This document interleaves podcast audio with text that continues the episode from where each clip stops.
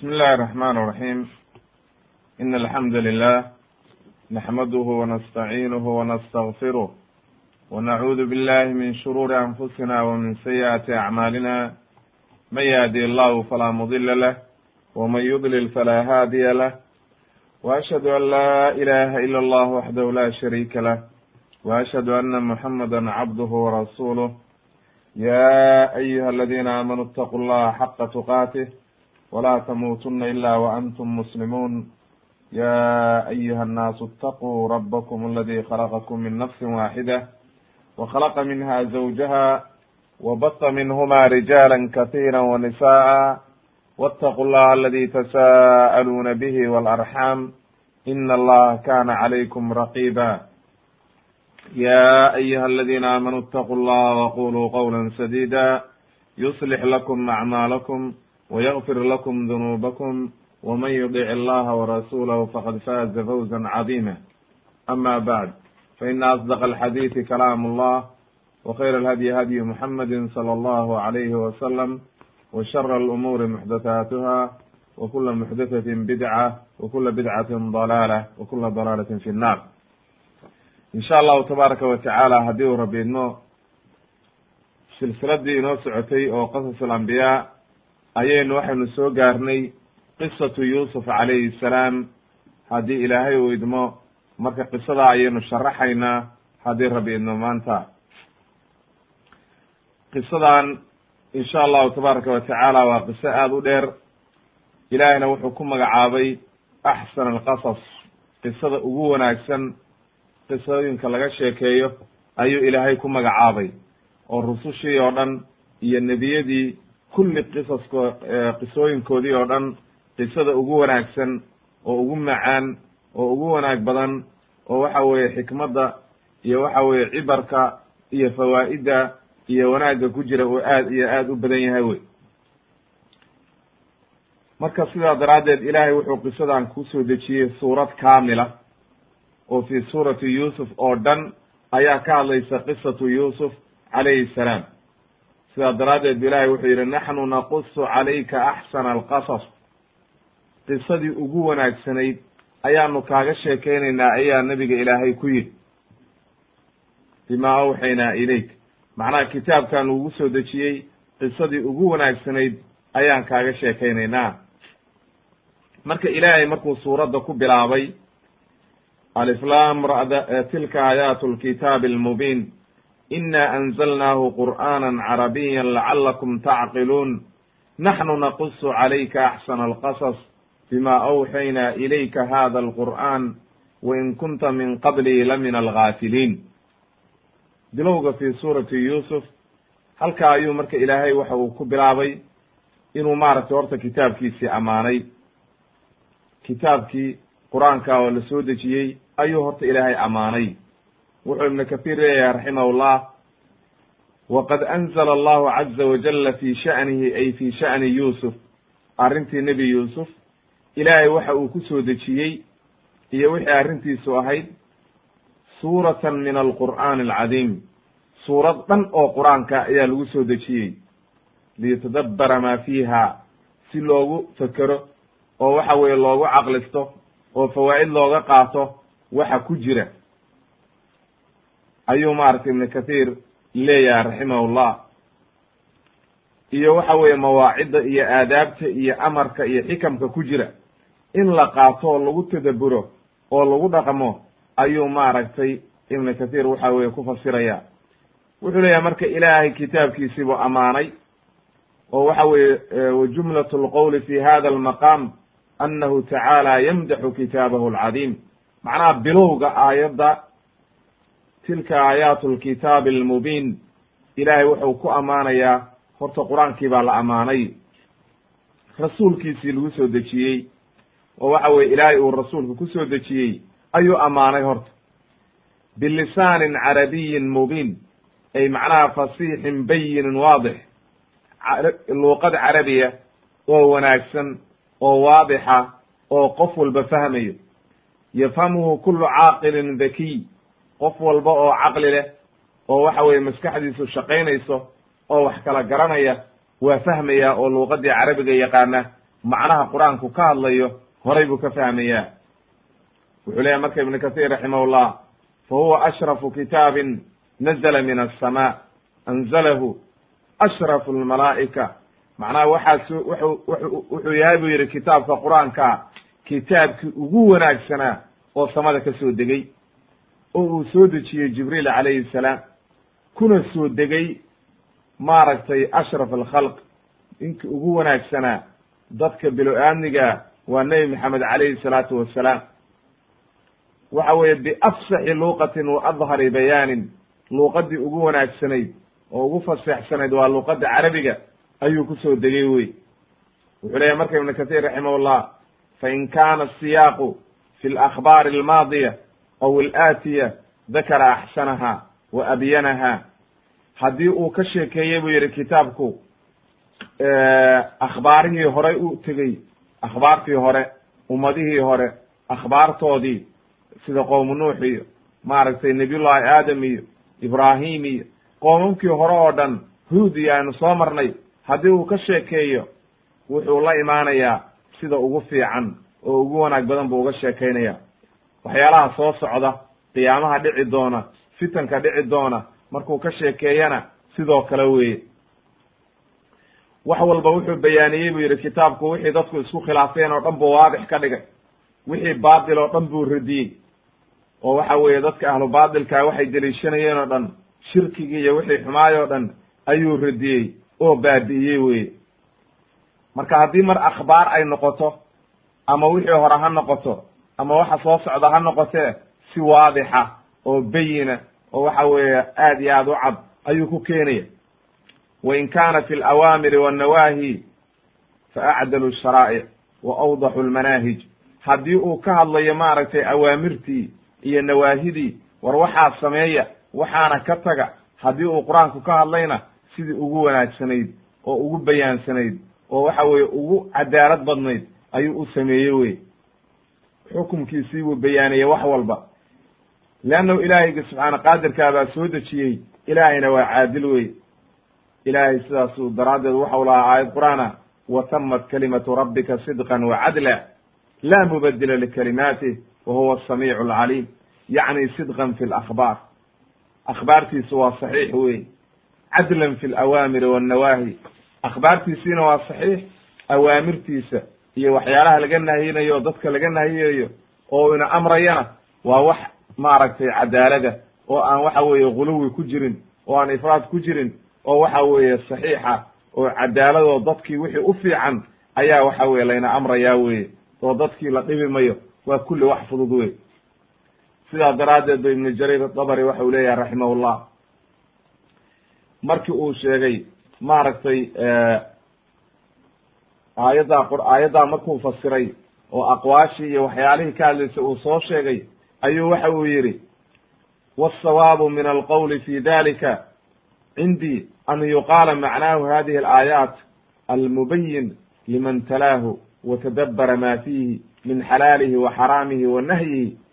Wuxuu yidhi aayadahan macnaha loo jeedo waxaanu soo dejinay kita maaragtay qur'aan bayina oo waxa weeye tilka aayaatu lkitaabi almubiin waxaa loola jeedaa buu yidhi ay macnaha qofkii ku tadabbura oo akriya waxa u bayaaninaya oo u caddaanaya oo waxa weeye waadix u noqonaya waxyaalihii xalaasha ahaa waxyaalihii xaaraamta ahaa wixii la amray wixii laga nahiyey waxaasoo dhan buu u caddaynaya wey oo kulli uu qur'aanku waadix uga dhigayaa oo waxa weeye noocay doontaba ha noqotee kulli qur'aanku waa waadixinaya oo dariiq kasta wuu ku waadixinaya wey kamana jeensanaya ilaa qof maaragtay khayr darro iyo halaag ku dhacay mooye.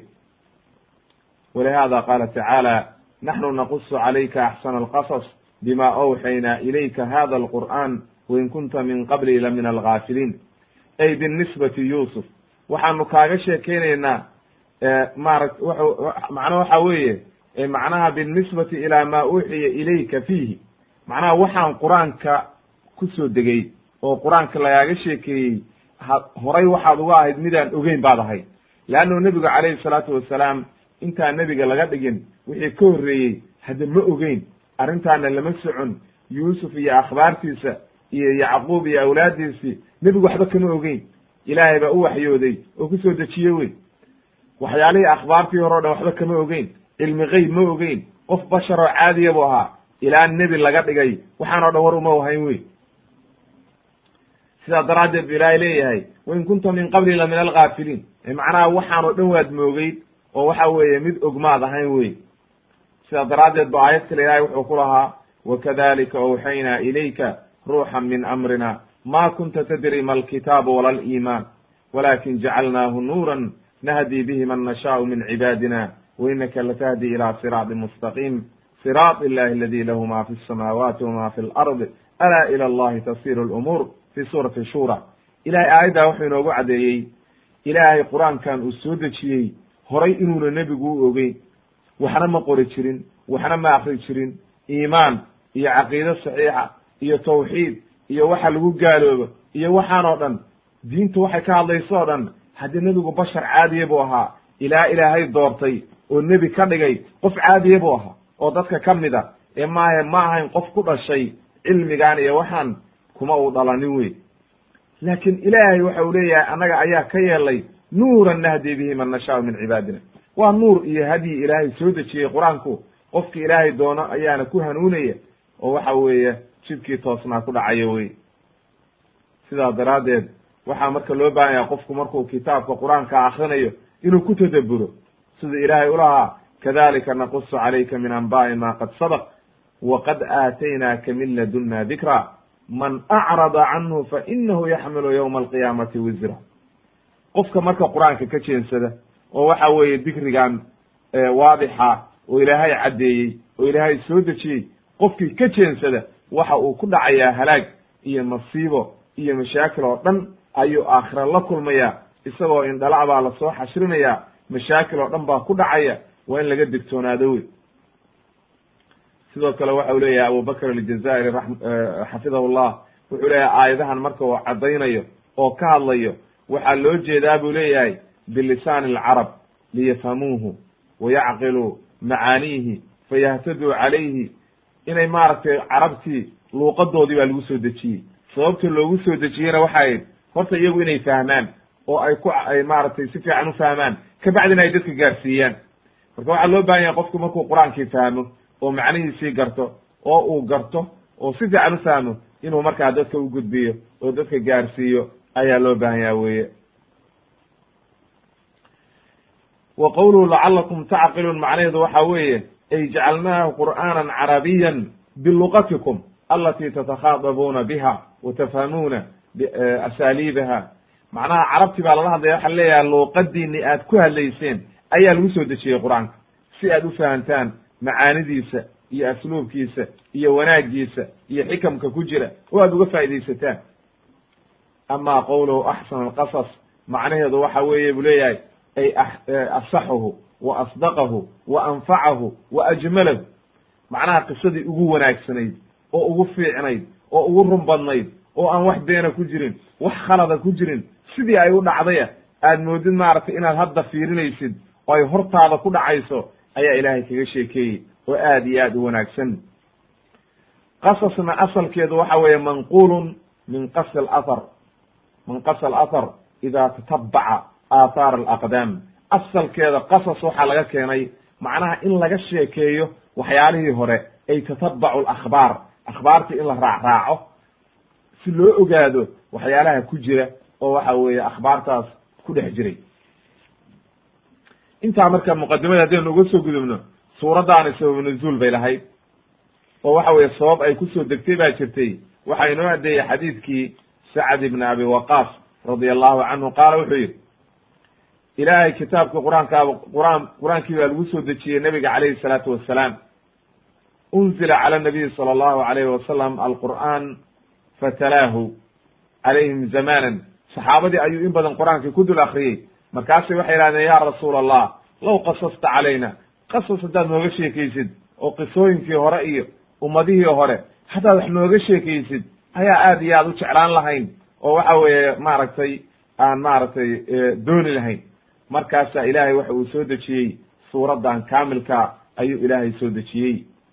Markaasi haddana waxay yidhahdeen haddaad noo sheekaysid oo sheeko noo sheegtid markaasuu ilaahay wuxuu soo dejiyey maaragtay allahu nazla axsana alxadiidi kitaaba mutashaabiha ilaahay kitaabkii ugu wanaagsanaa oo sheeke ugu wanaagsanaa ayaa laydiin soo dejiyey markaasay haddana waxay yidhahdeen haddii aad nawaanisid oo maaragtay aakhire iyo naxusuusisid markaasaa ilaahay wuxuu soo dejiyey alam yaani liladiina aamanuu an takshaca quluubuhum lidikri illah wama nazla min alxaq. Miyayna maaragtay soo dhowaanin inay qalbiyadoodu ku dabcaan oo ku khushuucaan kuwa ilaahay rumeeyey qur'aanka iyo diinta loo soo dejiyey iyo xaqa loo soo dejiyey. Xadiidkaa waxaa weriyey xaakim wa saxaxahu wa waafaqahu dahabi wa xasanahu ibnu xajar alasqalani fi madaalib alcaaliya ayuu xasan kaga dhigay.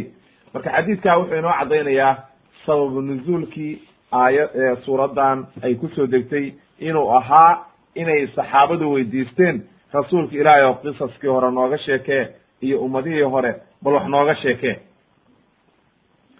sidaa daraaddeed bu ibnu kasiir waxa uu leeyahay fa araadu alxadiida fadallahum calaa axsani alxadiid waxa ay dooneen in loo sheekeeyo markaasaa waxaa la tusay sheekadii ugu wanaagsanayd oo la yidhi waa kitaabka qur'aanka ay akriya wa araadu alqasas fadallahum calaa axsani alqasas.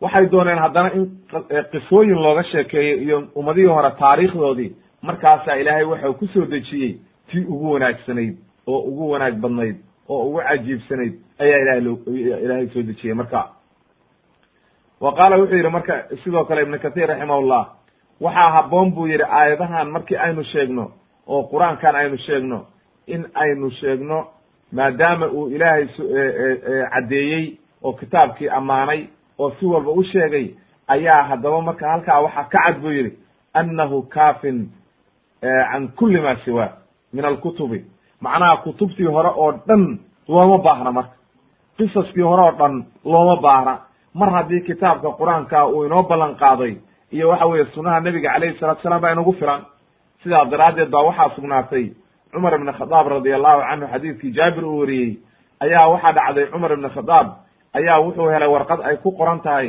kalaam waxa weeye reer bani israa'iil.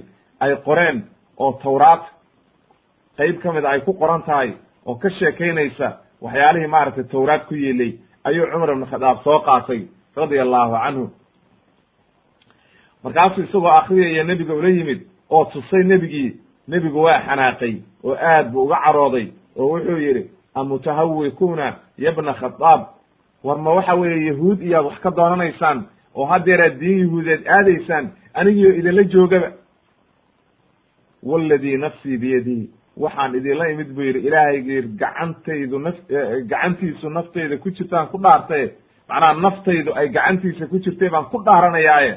Laqad ji'tukum waxaan idinla imid biha baydaaa naqiya macnaha diin waadixa oo toosan oon wax khalada ku jirin ayaan idinla imid. Laa tas'aluuhum waxba ha weydiinina can shayin. Fayukhbiruukum ay idiin sheegaan markaa bixaqin wa xaqa fatukadibuu bihi. Aad beenisaan ow bibatilin fatusadiquu bihi macnaha ilahay nebigu wuxuu leyahy alayh salatu asalaam yahuud waxba ha weydiinina sababta laynoogu diidaya maxay tahay waxaa laynoogu diidayaa waxa dhici karta intaynu wax weydiino inay wax xaqa inoo sheegaan markaan naraado waa beentiinii iyo wixii waxa weye khuraafaadkiinii wey ama ay markaasba been inta inoo sheegaan aan rumaysano haddana si labadaasba aynu ugu dhicin oo waxa weeye aynuna ugu dhicin inaynu waxa weeye xaq beenino aynuna ugu dhicin inaynu been rumaysano iyo wax baatila ayaa nebigu inaga nahiyey.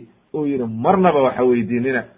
Markaasuu nebigu wuxuu ku khatimo wuxuu yidhi low kaana low ana muusa sala allahu alayhi wasalam kaana xayan lamaa wasicahu ila an yatabicanii uma habboona oo uma banaana oo xaq uma leh. Nebiyullaahi muusa haddii uu maanta noolaan lahaa aniga inuu iraaco maahee wax kale oo u banaanaan lahaa ma jirto wey sidaa daraaddeed marka waxba ha weydiinina leanna waxa weye diintoodii dhan waa la nasakhay oo waxa weeye diin la baabi'iyo la nasakhay wey marka maxaad ka weydiinaysaan wey xadiidkaana waxa maaragtay sheikh albani wuxuu xasan kaga dhigay fi alqaliil raqamka kun iyo shan boqol toddobaatan iyo sagaal waxa uuna yihi waxaa soo saaray imaamu axmed iyo imaamu darimi iyo cabdirazaq ayaa maaragtay ibn cabdilbari fi jaamic kitaab jaamic bayan alcilmi ayuu ku sheegay. Marka xasan ayuu ka dhigay maaragtay irwa alqaliilka. Sidoo kale kitaab suna libni abi caasim ayuu xasan kaga dhigay. Marka waa kitaab waa xadiid xasana wey sidoo kale waxa uu leeyahay sheekh naasir asacdi raximahullah waclam ogow buu yidhi ana allaha dakara anahu yaqusu calى rasuulihi axsana alqasas fi hada alkitaab ilaahay waxa uu sheegay inuu rasuulkiisa uga sheekaynayo qisadii ugu wanaagsanayd kitaabka. Markaasu wuxuu sheegay qisadan fi suurati yuusuf. Wa basadahaa wuu fidiyey oo iyadii oo dhan buu ka sheekeeyey. Wax alla wixii dhex maray noloshii nebi yuusuf oo dhan iyo waxa weeye xaalkiisii oo dhan ayuu ka sheekeeyey. Ilaa iyo isagoo yara ilaa iyo geeridiisii ayaa laga sheekeeyey. Haddaba iyadii oo dhammaystiran oo kaamila ayaa kitaabka qur'aanka ku soo aroortay. Wuxuu leeyahay marka sheekh naasir isacdi raximahullah looma baahna marka in waxyaalo bani israailiyaada iyo waxyaalihii khaladka ahaa oo aan sanad lahayn oo aan saxiix ahayn in lagu daro oo la yidhaahdo waan ku dhammaystiraynaa looma baahna. Qofkii noocaa sameeyey buu yidhi fa huwa mustadrikun cala allah. Waa qof yidhi anaa waxa weeye ilaahay wixii uu ka tegey baan keenaya oo waxbaan maaragtay zaa'idinaya. Looma baahna marka waa in lagu kalsoonaado oo la akriyo kitaabka qur'aanka ah oo intii ku soo aroortay waxa weeye lagu kalsoonaado wey. Leanno wax uu ka tegey ma jiro wey. Marka wa cala alcabdi qofka mu'minkaa waxaa dushiisa a buu yidhi an yafhama inuu fahmo wixii ilaahay uu ka sheekeeyey oo uu si fiican u fahmo uma baahna buu yidhi inuu maaragtay wax kala doondoonto oo waxa weeye waxyaala aan rasuulkiina ka sugnaanin ilaahayna ka sugnaanin inaad doondoonatid oo cid kale u raadisid uma baanid weeye. Waa inaad fahamtaa wixii nebi ilaahay uu ka sheekeeyey nebi maxamedna calayhi salaatu wassalaam uu inoo sheegay waa inaynu fahanno wey haddaba marka waxaynu gelaynaa intaa muqadimadan ugu gudbaynaa waxaynu gelaynaa marka qisadii. Qisadan yuusuf qisatu yuusuf calayhi salaam waa qiso aad u dheer wey saddex qaybood saddex marxaladood ayaynu u qaybinaynaa qisadiisa noloshiisa saddexdii marxaladood oo ay soo martay min xayaati yuusuf ayaynu u qaybinaynaa.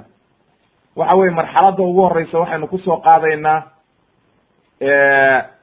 yuusuf calayhi salaam wa hiya marxalatu sikar waa marxaladii uu yaraa oo dhalinyarada ahaa oo waxa weye ilmaha yarka ahaa oo aabihii uu dhabta ku hayey oo waxa weye aabihii uu xanaanaynayey iyo hooyadii.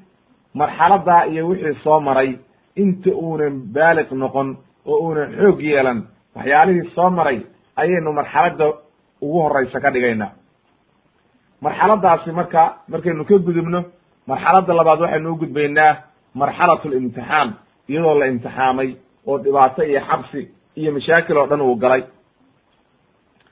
Oo waxa weye waa marxaladii maaragtay naagtu ay roorsanaysay oo mashaakilka gelayey oo xabsiga iyo dhibaatada la kulmayey marxaladda ugu dambaysana isagoo madax noqday oo waxa weye nebiya oo waxa weye suldaanu masr noqday oo waxa weye waddankii o dhan isagu xukuma oo walaalihiisii shale godka ku riday u imaanayaan oo baryayaan ayay waxa weye marxaladda dambena noqonaysaa ilaa aakhiri xayaatihi iyo geeridiisa laga gaaro.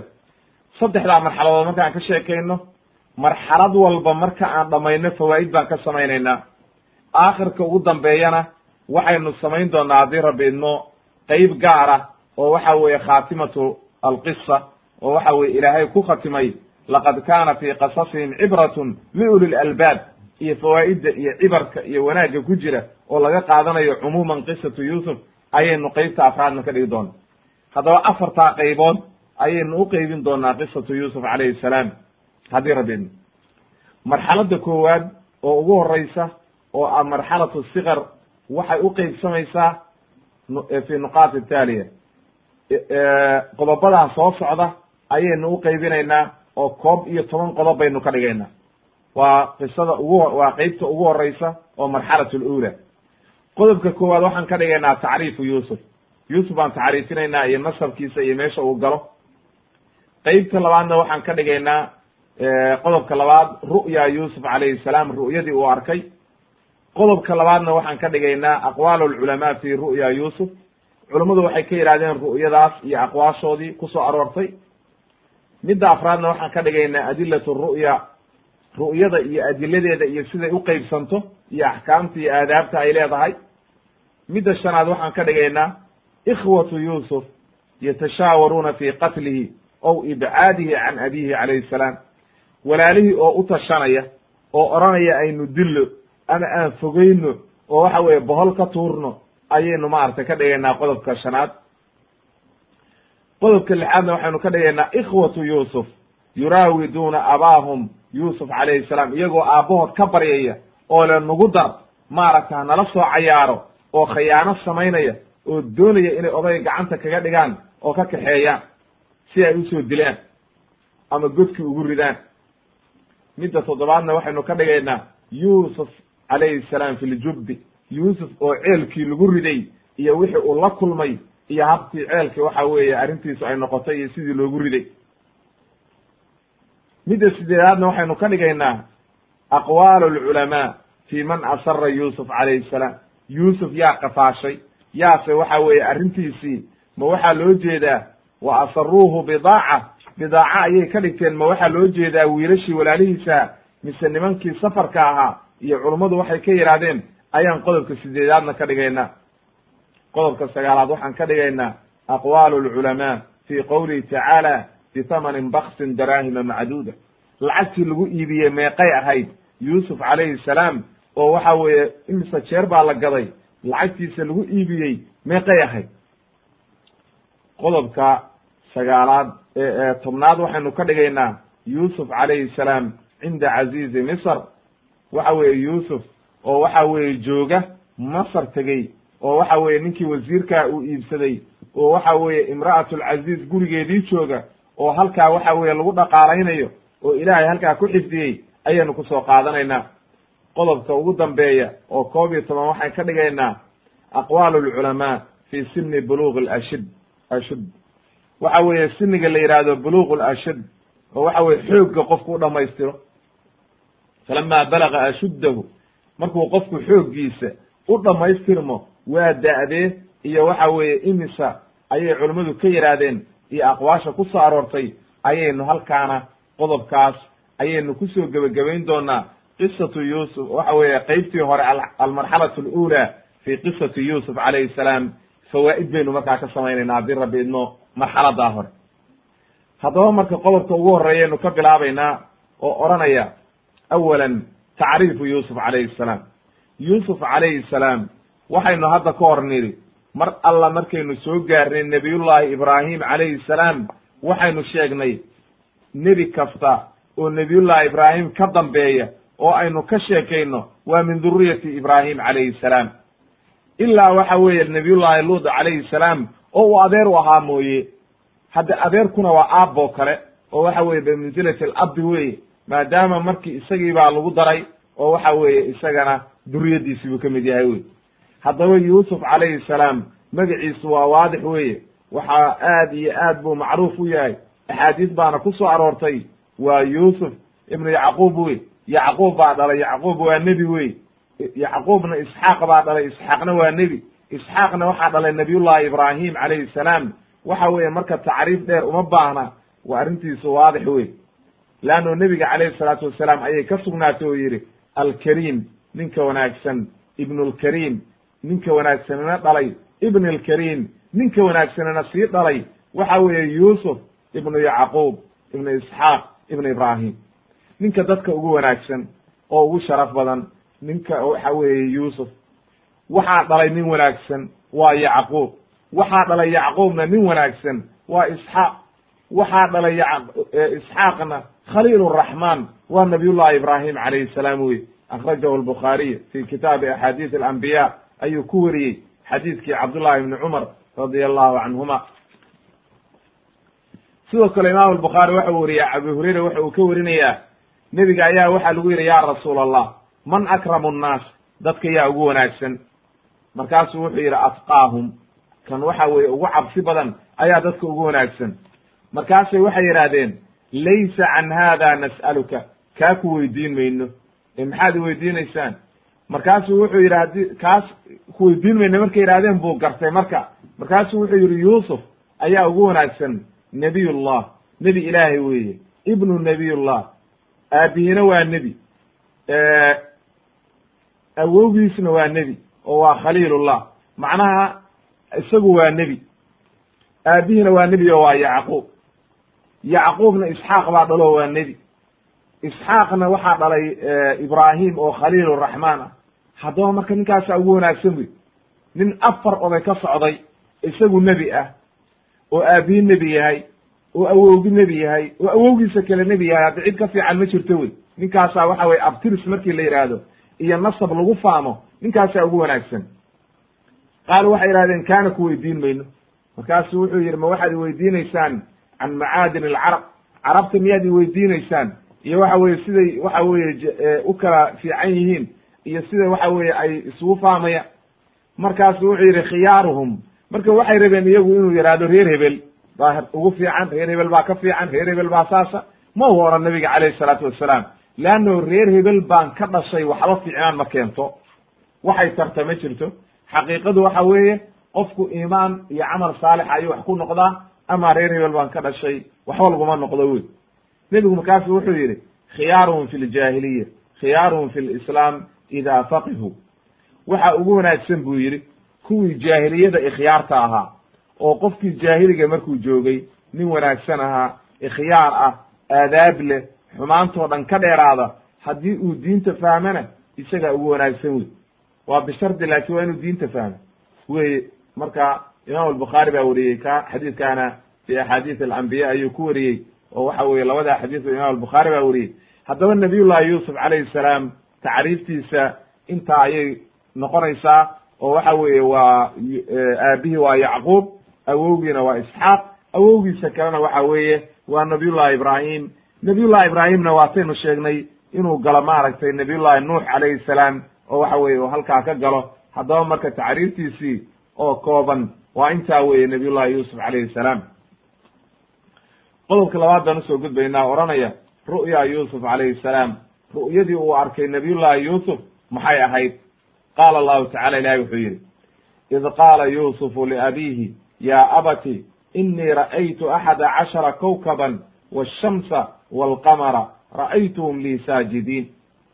Qaala ya bunaya laa taqsus ru'yaaka calaa ikhwatika fayakiiduu laka kayda ina ashayطaana lilinsaani caduwun mubiin wakadalika yجtabiika rabuka wayucallimuka min taawiili اlaxaadiid wayutimu nicmatahu calayka wacalى ali yacquub kama atamaha calى abawayka min qablu ibrahima waisxaaq ina rabaka xakiimu caliim aayadahan wuxuu ilaahay inoogu caddaynayaa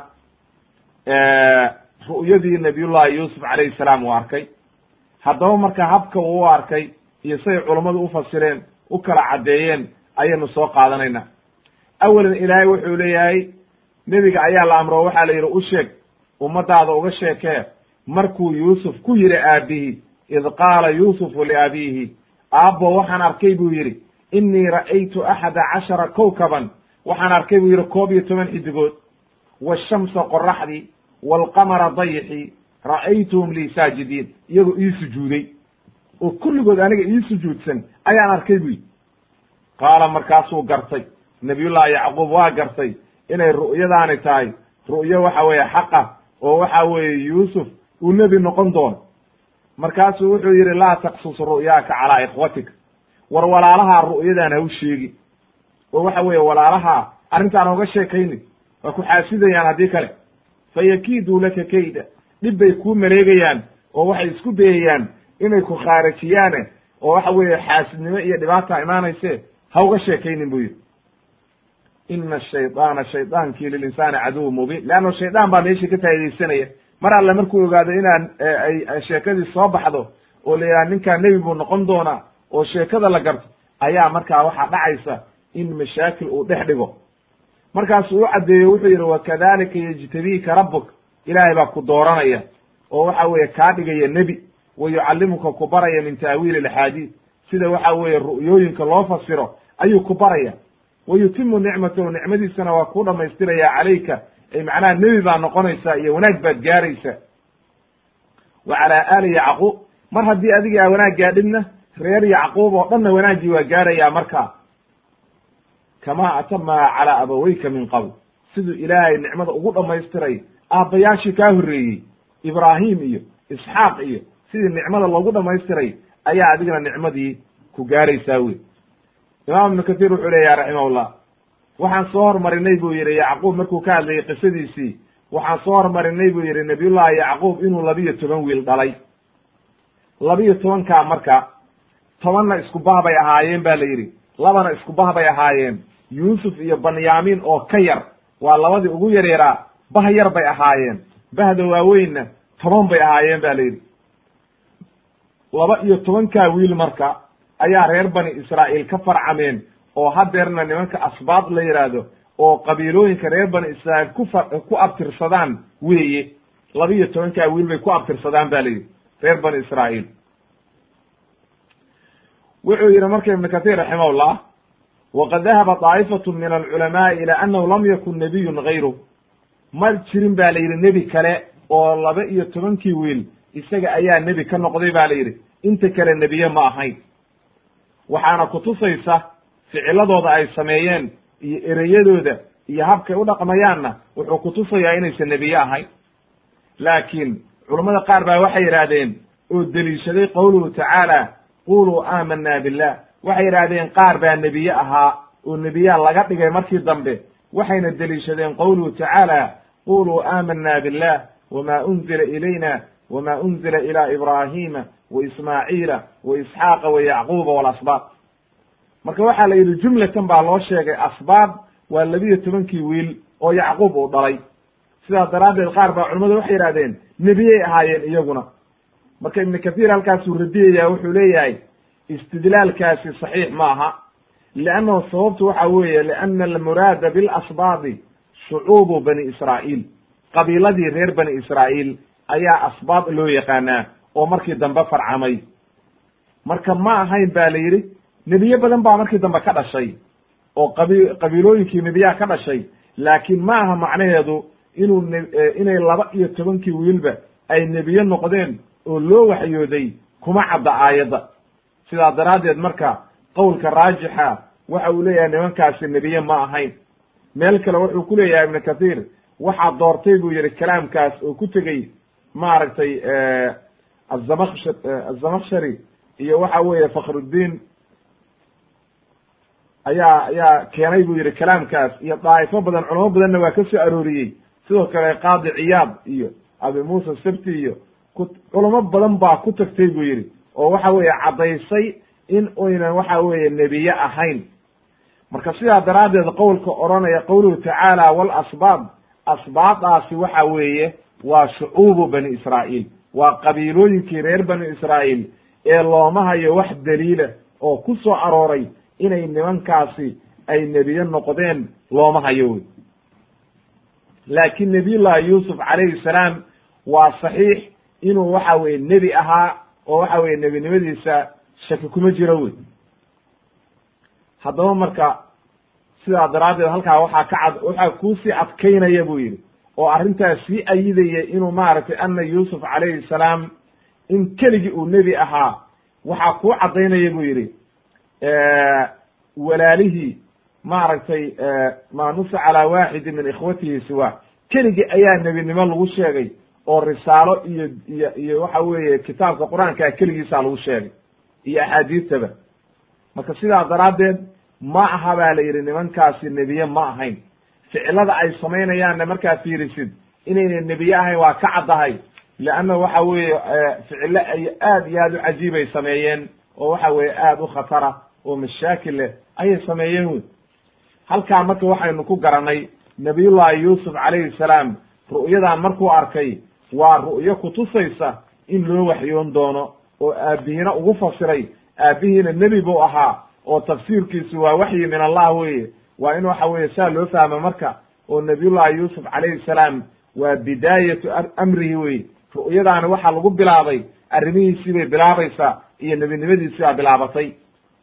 Sidaa daraaddeed ayay caaisha leedahay nebiga calayhi salaatu wasalaam waxaa lagu bilaabay markii hore nebinimadiisa ru'ya saalixa. Ru'yu arkayaa siduu u arkay bay noqonaysa kabacdi ilaa iyo maaragtay waxyigii ku soo degey haddaba waxaynu soo qaadanaynaa marka qodobka saddexaad oo ah aqwaal alculamaa fi ru'ya yuusuf. Ru'yadan yuusuf iyo culummadu say u fasireen iyo say ka yaraadeen ayaynu qeyb ka taabanaynaa.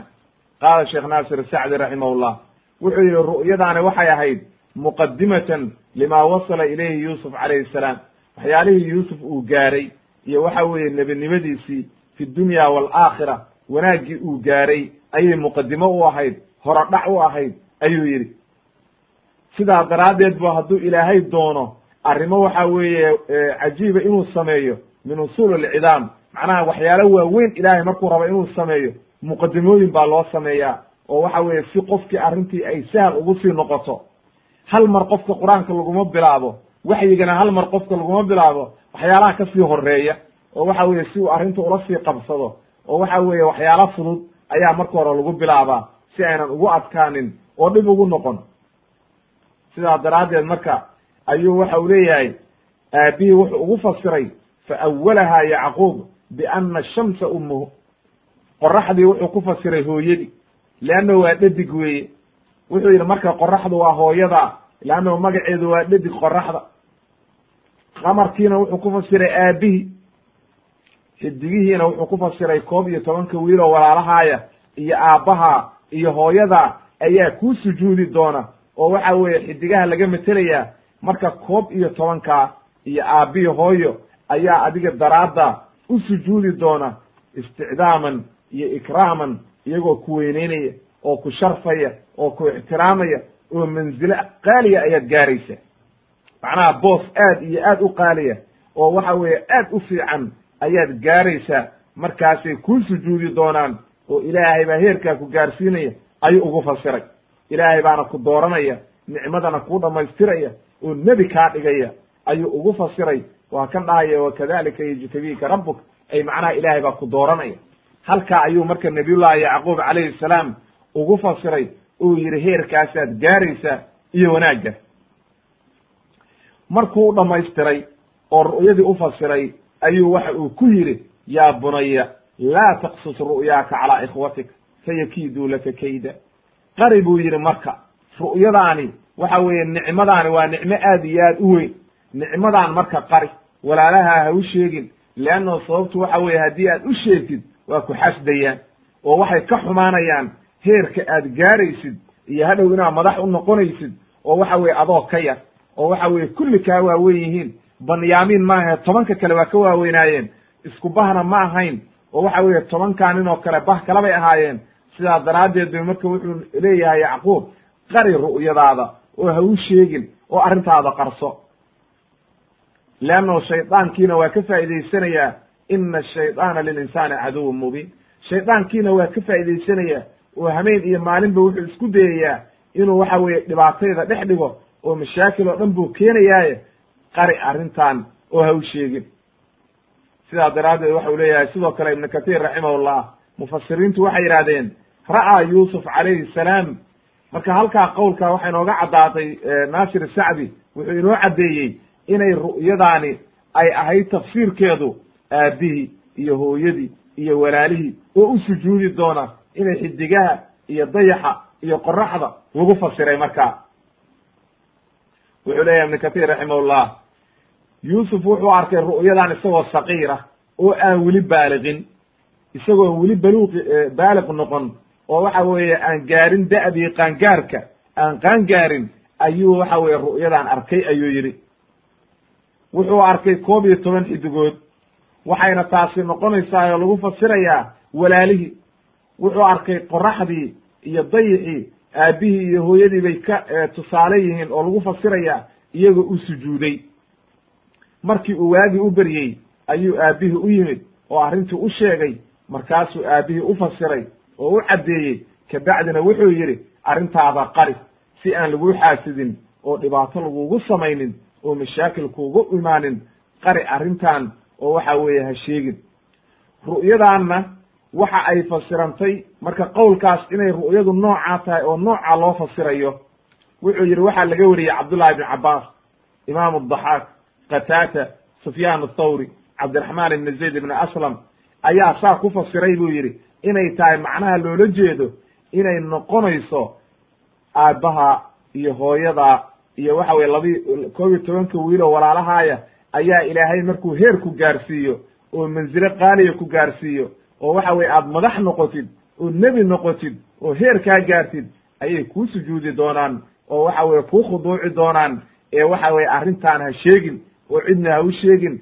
Leannahu haddii aad sheegtid waa lagu xaasidaya waana lagu dhibaatay kugu samaynayaan. Shaydaanna waa ka faaidaysanaya waqad waqaca tafsiiruhaa bacda arbaciina sana. Afartan sane kabacdi ayaa tafsiirkeedii saxiix noqday.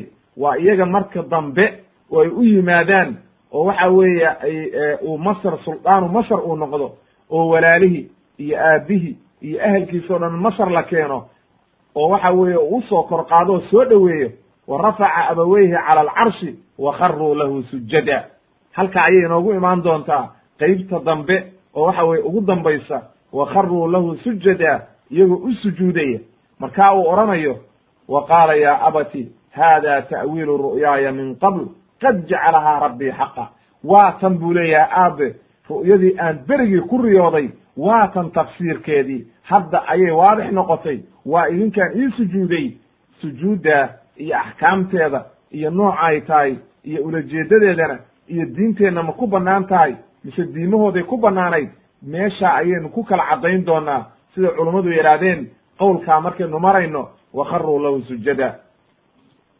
Sidaa daraaddeed ayaa waxaa soo aroortay xadiis waxa weeye ku soo arooray istaciinuu calaa qadaa'i xawaa'ijikum bikitmaaniha fa ina kula dii nicmatin maxsuud nebiga waxaa ka sugnaatay xadiidka ibnu xibbaan baa wariyey. Waana xadiis saxiixa oo waxa weye jawada isnaaduhu sheekh albani fi axaadiis saxiixa oo wuxuu yihi waa sanadkiisu waa xadiis jayida wey aad u wanaagsan. Xadiidkaa marka wuxuu inoo caddeeyey nebigu wuxuuna leeyahay arrimihiina iyo markaad dantiina gudanaysaan iyo waxa weye arrimahaaga qarso. Leanna waxa weye markaad dan muhiima leedahay cidna ha u sheegin qarso arrintaada ilaa qofaad jeceshahay ama ku jecel mooye. Leanna waxa weye nicmo kasta qof baa ka xumaanaya. Nicmo kasta oo aad heshid mid baa kugu xaasidaya oo ka xumaanaya. Sidaa daraaddeed ayaa nebigu wuxuu ina amraya aadaabta waxaa ka mid a inaadan meel walba kaga sheekaynin nicmada ee waxa weye aada qarsatid wey ama qowluhu tacaala wakadalika yajtabika rabuka ay macnaha sida ilaahay uu waxa weye hadihi ru'ya alcadiima sida uu ru'yadaa weyn kuu tusay oo waxa weeye uu kuu baray ayaa haddana markaas haddii aad qarisid oo waxa weye aad joojisid oo aadan waxa weye u sheegin walaalaha ilaahay baa ku dooranaya oo nebi kaa dhigaya oo ku baraya sida waxa weeye loo loo fasiro ru'yooyinka oo waxa weye dadku ku riyoodaan oo ilaahay baa ku baraye arrintaada qari wey imaamu shinqiidi wuxuu leeyahay sidoo kale raximahullah aqwaashii culimadan weli ku dhex jirnaa maxamed alamin ashinqiidi raximahullah fi adwaa'i albayaan waxa uu leeyahay culummadu waxay isku khilaafeen muraadka loola jeedo ta'wiil alaxaadiid qaar waxay yidhahdeen wa yucallimuka bita'wiili alaxaadiidi waxaa loola jeedaa ay macnaha tacbiiru ru'ya oo fal axaadiidu calaa hada alqowli hiya ru'ya ru'yadii ayay noqonaysaa. Marka ru'yada ayuu ku barayaa sida loo fasiro ayay culamada qaar ku fasireen. Qaarna waxay yidhahdeen maya waxaa laga wadaa xadiidu nafs. Macnaha wax walba oo dadku ku sheekaystaan ayaad maaragtay fasiri doontaa oo dadka ayaad maaragtay arrimahooda u kala caddayn doontaa marka waa isku macnihi wey ama ru'yo dhe ama axaadiis dhehe waxa weye sida saxiixa ru'yadaa horta ayay culimmadu u badan yihiin. Ta'wiilu laxaadiis ee alru'ya leanno ru'yooyin badan buu fasiray oo waxa weeye labadii wiil oo waxa weeye xabsiga la galay waxaa inoo imaan doonta yaa saaxibaya sijni ama axadukuma fayasqii rabbuhu khamra wa ama alaakharu fayuslabu fata'kulu dayru min ra'si qudiya alamru aladi fiihi tastaftiyaan labadii wiil waa isagay ru'yadii u fasiray. Xabsiga inoogu imaan doontaa markaynu gaarno oo qeybta labaad. Melagii ninkii melika ah oo boqorkiina ru'yadiisiibuu fasiray. Oo waxa weye iyadana halkaas inoogu imaan doontaa qeybta labaad aakhirkeeda ayaynu waxa weye ku sheegi doonaa marka waxa weeye sida daahirkaa waxa weeye ama axaadiisu nafsi ku magacow qaarna culimmadu waxay yihahdeen maye waxaa laga wadaa kutubtii hore oo culummadii hore kutubtii hore ilaahay soo dejiyey ayuu macaanideedii ilaahay ku baraya iyo sunan alambiya nebiyadii meeshay mareen iyo sunankoodii ayuu ku baraya oo cilmi baa ilaahay ku siinayaa waxaad noqonaysaa nin wax walba yaqaan oo ilaahay baa ku baraya xikamkaa iyo cilmiga. Calaa kulli xaal marka wuxuu yidhi imaam shinqidi raximahullah wuxuu yidhi nooc walba ha lagu fasiree sida daahirkaa tacbiiru ru'yana way noqonaysaa culumtii horena way noqonaysaa. Leanno ilaahay nebi buu ka dhigay. Ilaahayna waa baray. Cilmiguuna siiyey. Haddaba marka ilaahay saasuu marka nabiyullahi yuusuf calayhi salaam uu waxa weeye u baray cilmi iyo waxa weeye sida loo fasiro maaragtay tacbiiru ru'yana wuu baray sida loo fasiro ru'yooyinka.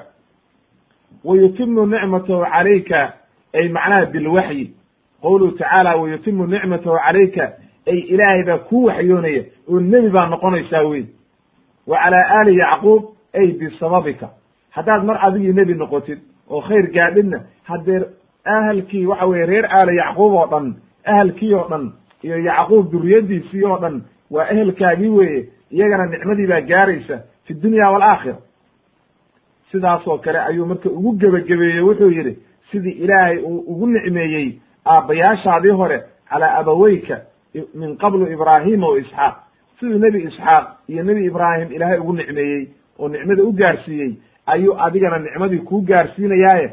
Qari arrintaada oo walaalaha ha u sheegin buu leeya ina rabbaka xakiimun caliim. Macnaha cilmuhu muxiitun bilashyaa ilaahay wax walba waa ogyahay oo cilmiga wax walba oo la qarinayo oo qofka naftiisa ku jira ilaahay waa ogyahay sidaa daraaddeed allahu yaclam maaragtay allahu aclamu xaytu yajcalu risaalata. Ilaahay baa garanaya meesha uu dhigayo risaaladiisa. Maadaama uu og yahay wax walba isagaa garanaya qofka uu nebi ka dhigayo iyo qofkuuna nebi ka dhigaynin. Marka laba iyo toban wiil buu yacquub dhalay ilaahay aduu ku doortay weeye. Ilaahay baana waxa weeye garanaya qofka waxa weeye risaalada u suuban oo waxa weeye noqonaye waxa weeye adigu arrintaada qarso wey oo waxa weeye marnaba ha u sheegin cidna ha u sheegin ayuu yidhi. Sidaas daraaddeed ayaa inoo soo hormartay xadiidkii markii nebiga la weydiiyey man akramu nnaasi inuu yihi yuusuf calayhi salaam. Nebiyullaahi weye aabihii waa nebi isaguna waa nebi awowgiina waa nebi awowgiis kalena waa nebi. Sidaa daraaddeed marka ilaahay baa ku doortay oo sharaf ku geeyey oo waxa weye meel fiican kaa dhaliyey waxa weeye cilmina ku siinaya nebi kaa dhigaya wanaag ku gaarsiinaya walaalahaayoo dhan baad ka derajo sarraynaysaa oo waxa weeye ilaahay kaa sarmarinayaaye qari arrintaada oo ha sheegin ayuu maaragtay ugu gebagabeeyey arrintii markuu u fasiray ru'yadii. Haddaba marka halkaa waxaynu ka fahanay nabiyullaahi yuusuf calayhi salaam isagoo yar buu ruyooday. Wuxuu ku riyooday isagoo waxa weye ay u sujuudayaan koob iyo toban xidigood iyo waxa weye qoraxdii iyo dayixii. Aabbihiisu u sheegay aabbihii markuu u sheegayna wuxuu ugu fasiray inay walaalihii iyo aabbihii iyo hooyadii u sujuudi doonaan waana u sujuudeen ficlan oo waxa weeye hadhow aakhirka inoogu imaanaysaa habkay ugu sujuudeen iyo waxa weeye axkaamteeda halkaasaynu ku caddayn doonaa haddii rabi idmo qodobka afraad waxaan ku soo qaadaynaa ru'yada iyo say u qeybsanto iyo adilada ku soo aroortay diinteenna islaamka maxaa ku bannaan aadaabteeduse maxay tahay ayaynu halkaan ku caddaynaynaa oo aynu soo dhexgelinaynaa haddii rabi idmo can abi qataata waxaa laga wariyey inuu yidhi qaala rasuulu llahi sala la alay sl rsulka ilahi wuxuu yidhi alru'ya asaalixatu min allah. Ru'yada saalixa oo wanaagsan ilaahay xaggiisay ka timaadaa. Ru'yada xunna min ashaydaani shaydaan bay ka timaadaa. Faman ra'aa qofkii arka ru'yaa fa kariha oo karaahsada minhaa shay-an qofkii intuu ru'yo arka karaahsada oo waxa weeye ka xumaada falyanfid maaragtay can yasaarihi waliyatacawad billahi min ashaytaan arajiim min ashaydaani macnaha dhinaciisa bidixda ha u tufo oo tu tu ha yidhaahdo saddex jeer oo waxa weye markaas acuudu billahi min ashaytaan rajiim ha yidhaahdo fa inaha laa taduruhu walaa yukbiru biha axadan yuunan qofna u sheegin markaa macnaha aadaabtaasay ru'yadu leedahay haddaad ru'yo xun ku riyootid dhinacaaga bidixdaa ayaa saddex jeer tufaysaa candhuufta acuudu billahi min ashaytaan rajiim baad dhahaysaa qof bilow aamiyana u sheegi maysid midaad jeceshahay iyo midaada jeclayn toonna u sheegi maysid oo ru'yada la sheegi mayo.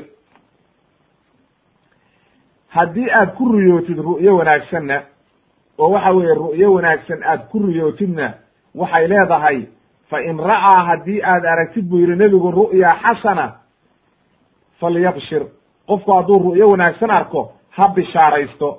Hana u sheego mar walaa yukhbirha ayuuna ushe walaa yukhbiru biha ayuu u sheegin. Ilaa man yuxibu qof uu jecel yahay ama isagii jecel oo waxa weeye ku farxaya ru'yadaada mooye cid kale ha u sheegin. Xadiidkaa marka imaamu muslim ayaa wariyey waa xadiis saxiixa weeye. Sidaa daraaddeed wuxuu ina barayaa aadaabtii ru'yadu inay tahay haddaad waxun ku riyootidna cidna ha u sheegin haddii aad wax wanaagsan ku riyootidna qofaad jeceshahay oo ku jecel oo waxa weeye ku farxaya arrintaada iyo wanaaggaaga u sheeg wey cid walba ha isaga sheegin.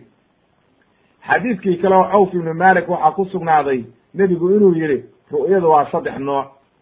Midi waxa weeye waxyaalaha shaydaanku dadka uu ku sameeyo uu doonayo liyuxzana ibni aadam inuu qofka bini aadmiga murugo geliyo mashaakil geliyo. Waxa weye waa mashaakilkaa wey midna waxa weeye buu yidhi alru'ya min allah. Wa minha buu yidhi ma minhaa waxaa ka mida buu yidhi ma yuhimu bihi arajulu fii yaqadatihi fa yaraahu fii manaami. Waxyaalo aad adoo soo jeedkaaga ku fekeraysid waad isleedahay waxay waxaa ma samaysaa saa iyo saa haddaa heli lahayd haddaa aad ku fekeraysid hadhowdaa ku qarweysaa markaa oo waxa weeye waa nooc min aru'ya weeye oo waxa weeye taasi saxiix maaha midda kale buu yidhi nebigu waa juz'un min sittati wa arbaciina juz-an min annubuwa midda kale waxa weeye ilaahay xaggiisay ka timaadaan.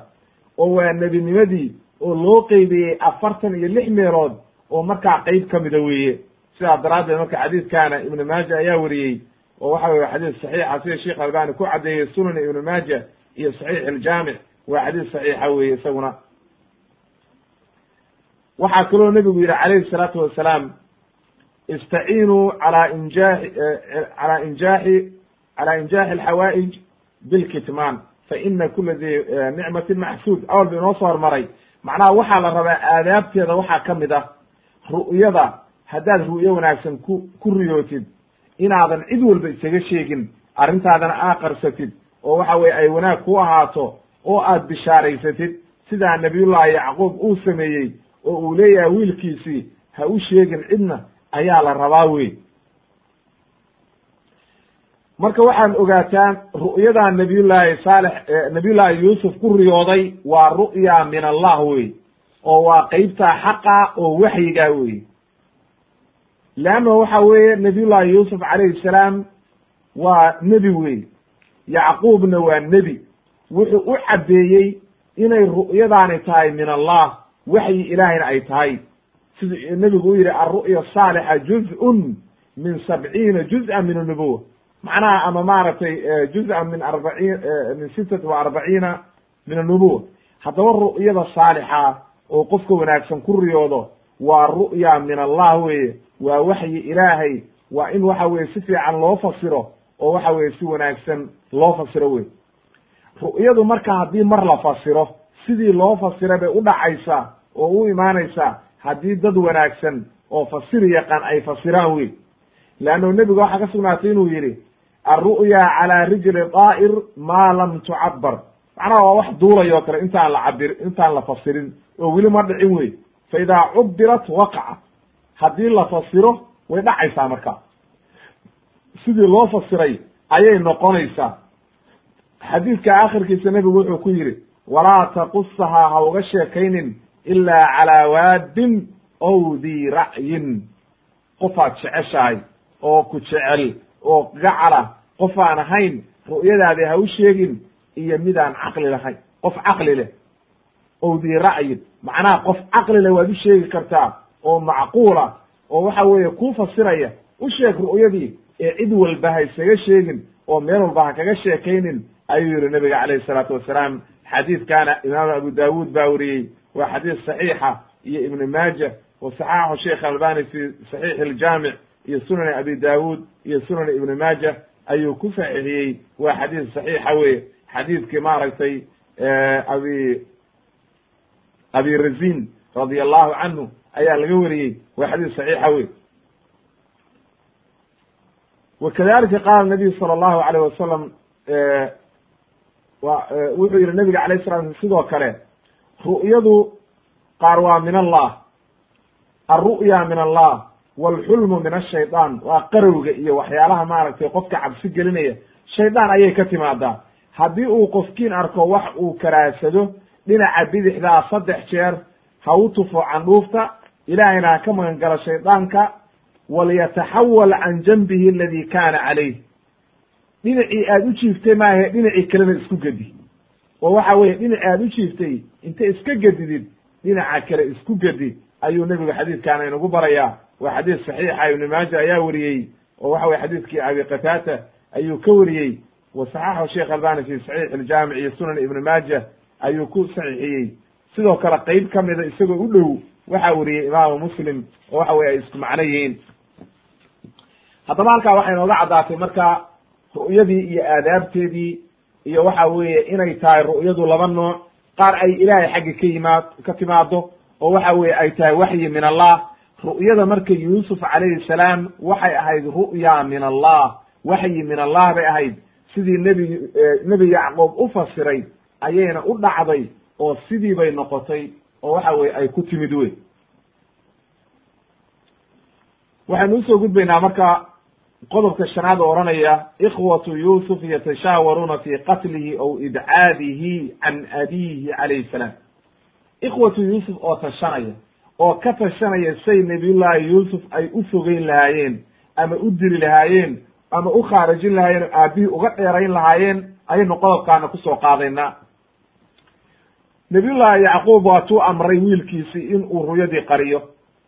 Laakiin hadda waxa weye ninkii nin yar buu ahaayo ru'yadii qarsoomi mayso shaydaanna waa sheegaya walaalihii waa ogaadeen waa arkeen inuu aabihii nabiyullaahi yacquub oo yuusuf ku dhegan bay arkeen oo aad iyo aad u jecel. Markaasay waxay ku talagaleen haddaba marka way ka xumaadeen oo xaasidnimaa bilaabatay maxaa wiilkan keliya aabba u jecel yahay? Annagaba nama jecle ayaa halkaa ka bilaabatay oo waxa weeye dhibaataa bilaabatay weye shaydaankiina waa ka faa'idaystay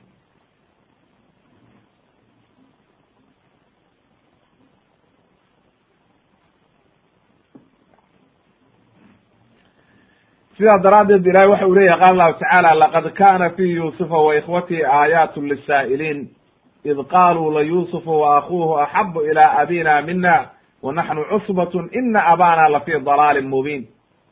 Ilahay wuxuu halkaa inoogu sheegayaa xaasidnimadii ay sameeyeen ikhwatu yuusuf. Inay xaasideen nebi yuusuf iyo walaalkii waxay u jeedaan banyaamiin. Waa kii la hooyada ahaa oo shaqiiqiisa ahaa oo waxa weeye wiil yar buu ahaa iyaga ayaa ka badnaa iyagu cus bay ahaayeen ay jamaaca jamaacay ahaayeen oo waxay leeyihiin annagoo jamaaca oo tobana oo ka xoog badan oo waxa weeye wax walba tari karna oo difaaci lahayn oo intuu annagana jeclaan lahaa ayuu waxa weye labadan wiiloo yar yarkaa ayuu hoosta ku haystaa annagana dan nagama leh ayay leeyihiin. Sidaa daraaddeed marka ayay marka halkaa waxay bilaabeen xaasidnimo marka. Oo waxa weye xumaan bay bilaabeen. Oo waxay yidhahdeen ina abana la fii dalaalin mubiin. Ilaahay marka wuxuu yidhi waxaa ku sugan aayatun lisaa'iliin ay macnaha kullu man sa'ala canha. Qof walba oo weydiiya nebiyullaahi yuusuf iyo qisadiisii aayadahanaad ka helaysa oo halkaanay ku imaanaysaa iyo waxa weeye qof walba oo ku cibro qaadanayana halkaan cibruu ka helayaa iyo aayado iyo cibar wax lagu cibro qaato oo waxa weeye aad iyo aad u wanaagsan mawaacid iyo xikam ayuu ka helaya amaa qofkii ka jeensada. Marka saa'iliinta waxa luuqadda carabigana saa way u isticmaalaan. Waatuu ninkii gebayay lahaa maaragtay sali in jahilti in jahilti annaasa cana wa canhum falaysuu sawaau caaliman wa jahuulu. Macnaha lisaa'iliin noocaas macnaha qofkii wax weydiinaya oo doonaya inuu ogaado akhbaartii nebi yuusuf iyo walaalihii waatan halkaanay ku caddahay oo waxa weye halkaanay ka bilaabatay ee si fiican dhagaha ugu fur oo si fiican u faham ayaa lagu leeyahy wa amaa qofkii ka jeensado waxa weeye aan doonin oo waxa weeye qasaska iyo waxa weeye wanaagga ku jira iyo adilada ku jirta iyo waxa weeye xikamka ku jira hadde kama faa'iidaysanaya markaa. Oo waxa weeye waa waa daboolan yahay oo waxa weye waxba matirayso wey wuxuu yidhi marka wa ama qowluhum ina hada la fii dalaalin mubiin. Qowlkaa waxa weeye macnaha waxay u jeedaan xubbiga iyo sida daahirkaa macnaha aabbahaya waxa uu jeclaaday labadaa wiil wuu khaldan yahay wey oo waxa weye arrintiisu waa khalad. Annagaa mudnayn inuuna jeclaado bay leeyihiin leanno sababtu maxay tahay annagaa tomana? Marka toban wiil iyo laba wiil suurtagal maaha in laba wiil la jeclaado bay leeyihiin ee waxa weye annaga inuuna jeclaado bay ahayd ama isku si noo wada jeclaado oo kulligeena wada jeclaado. Walaysa muraaduhum addalaal fi ddiin ma aha waa inaad ogaataa leanno dalaalku waa dhowr nooc oo dib u inooga imaanaya waxa weeye addalaalu fi ddiin lagama wado oo ma ay laha diin buu u dhunsan yahay ee waxay ka wadaan caqliyan maaha waxaani saxiix maaha waa aabba waa khaldan yahay inuu saa nooga jeclaado labadaa wiil waa ku khaldan yahay. Leanno haddii ay yidhaahdaan diintiisaa dhunsan waa ku gaaloobayaan. Qofkii nebi yaraado waa baadiyeysan yahay. Haddi waa qof gaaloobay wey marka nebi weeye nebi yacquub ma odhanayaan diin buu dhunsan yahay waxay leeyihiin macnaha jacaylkiisii iyo labadan wiil aad buu u jecel yahay. Taasaa khalada oo caqligiisii sax maaha oo waxa weye arrinta halkaasay ka wadaan wey ee ma aha inay diin ka wadaan marka sidaa daraaddeed waxaa lagu magacaabaa dalaalka. Mar addalaalu fi diin ba la yidhahda oo wuxuu qofku ka dhunsan yahay xaqii iyo dariiqii xaqa ahaa. Siduu ilaahay u yidhi aayadda qur'aanka walaqad dalla qablahum akharu alawaliin ummadihii hore o dhan waa dhumeen. Ay macnaha dariiqii xaqaa waa ka leexdeen. Oo waa baadiyoobeen wey sidaa daraaddeed marka iyo aayad kale walaqad adalla minkum jibilan kahiira shaydaankii waa idin dhumiyey. Intiinii badnayd marka addalaalu fi ddiin haddii la yidhaahdo ee qofki waa gaaloobay wey oo dariiqii xaqaabuu ka leexday. Amaa haddii lagu idlaaqo luuqadda carabiga waxaa lagu isticmaalaayoo kale alhalaaku iyo walgiiba macnaha qofki waa dhunsan yahay waa khaldan yahay waa dhintay ama waa halaagsamay ama waa khariban yahay intaba waa loo isticmaalaa dalaalka. Sidaa daraaddeed bay gaaladii waxay lahaayeen wa qaaluu a idaa dalalnaa fi lardi a innaa la fii khalqin jadiid haddii aanu dhunno oo baadiyowno ay macnaha intan aanu dhimanno lafahayagii aboor cuno oo dhulka ku baaba'no xaggeena laka soo celinaya marka sidaa daraaddeed waxa weeye dalaalka haddii lagu magacaabo fi ddiin waa kufri wey oo la yidhaahdo qofkaasi waa dhumay oo waa baadiyoobay oo diintiibuu ka dhumay ee macnaha dariiqa xaqaabuu ka leexday wey marka sidaa daraaddeed ma ay lahaa ikhwatu yuusuf aabbahaya waa dhunsan yahay oo dariiqii xaqaabuu ka leexday oo waxa weeye shirki buu ku jiraa ma ay laha. Ee waxay leeyihiin dariiq waxa weeye maxabadan iyo jacaylkan ayuu ku khaldan yahay ayay leeyihiin wuxuu yidhi ibn kathir raximahullah waclam buu yidhi ogow annahu lam yaqum daliilun cala nubuwati ikhwati yuusuf wa dhaahiru hada siyaaq yadullu cala khilaafi dalik siyaaqan iyo qowlkoodan ah ina abana la fii dalaalin mubiin. Inayna nebiye ahayn buu kuu caddaynay.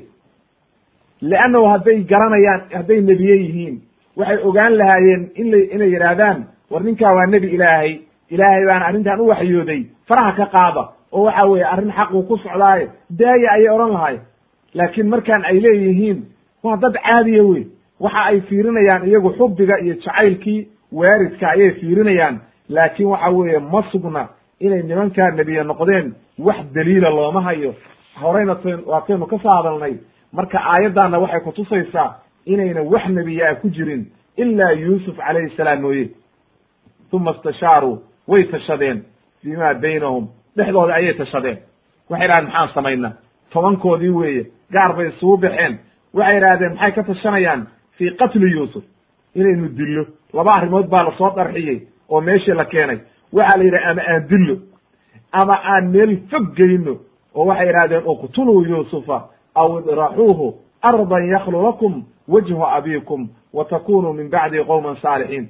Saddex arrimood bay aayaddaa kaga hadleen.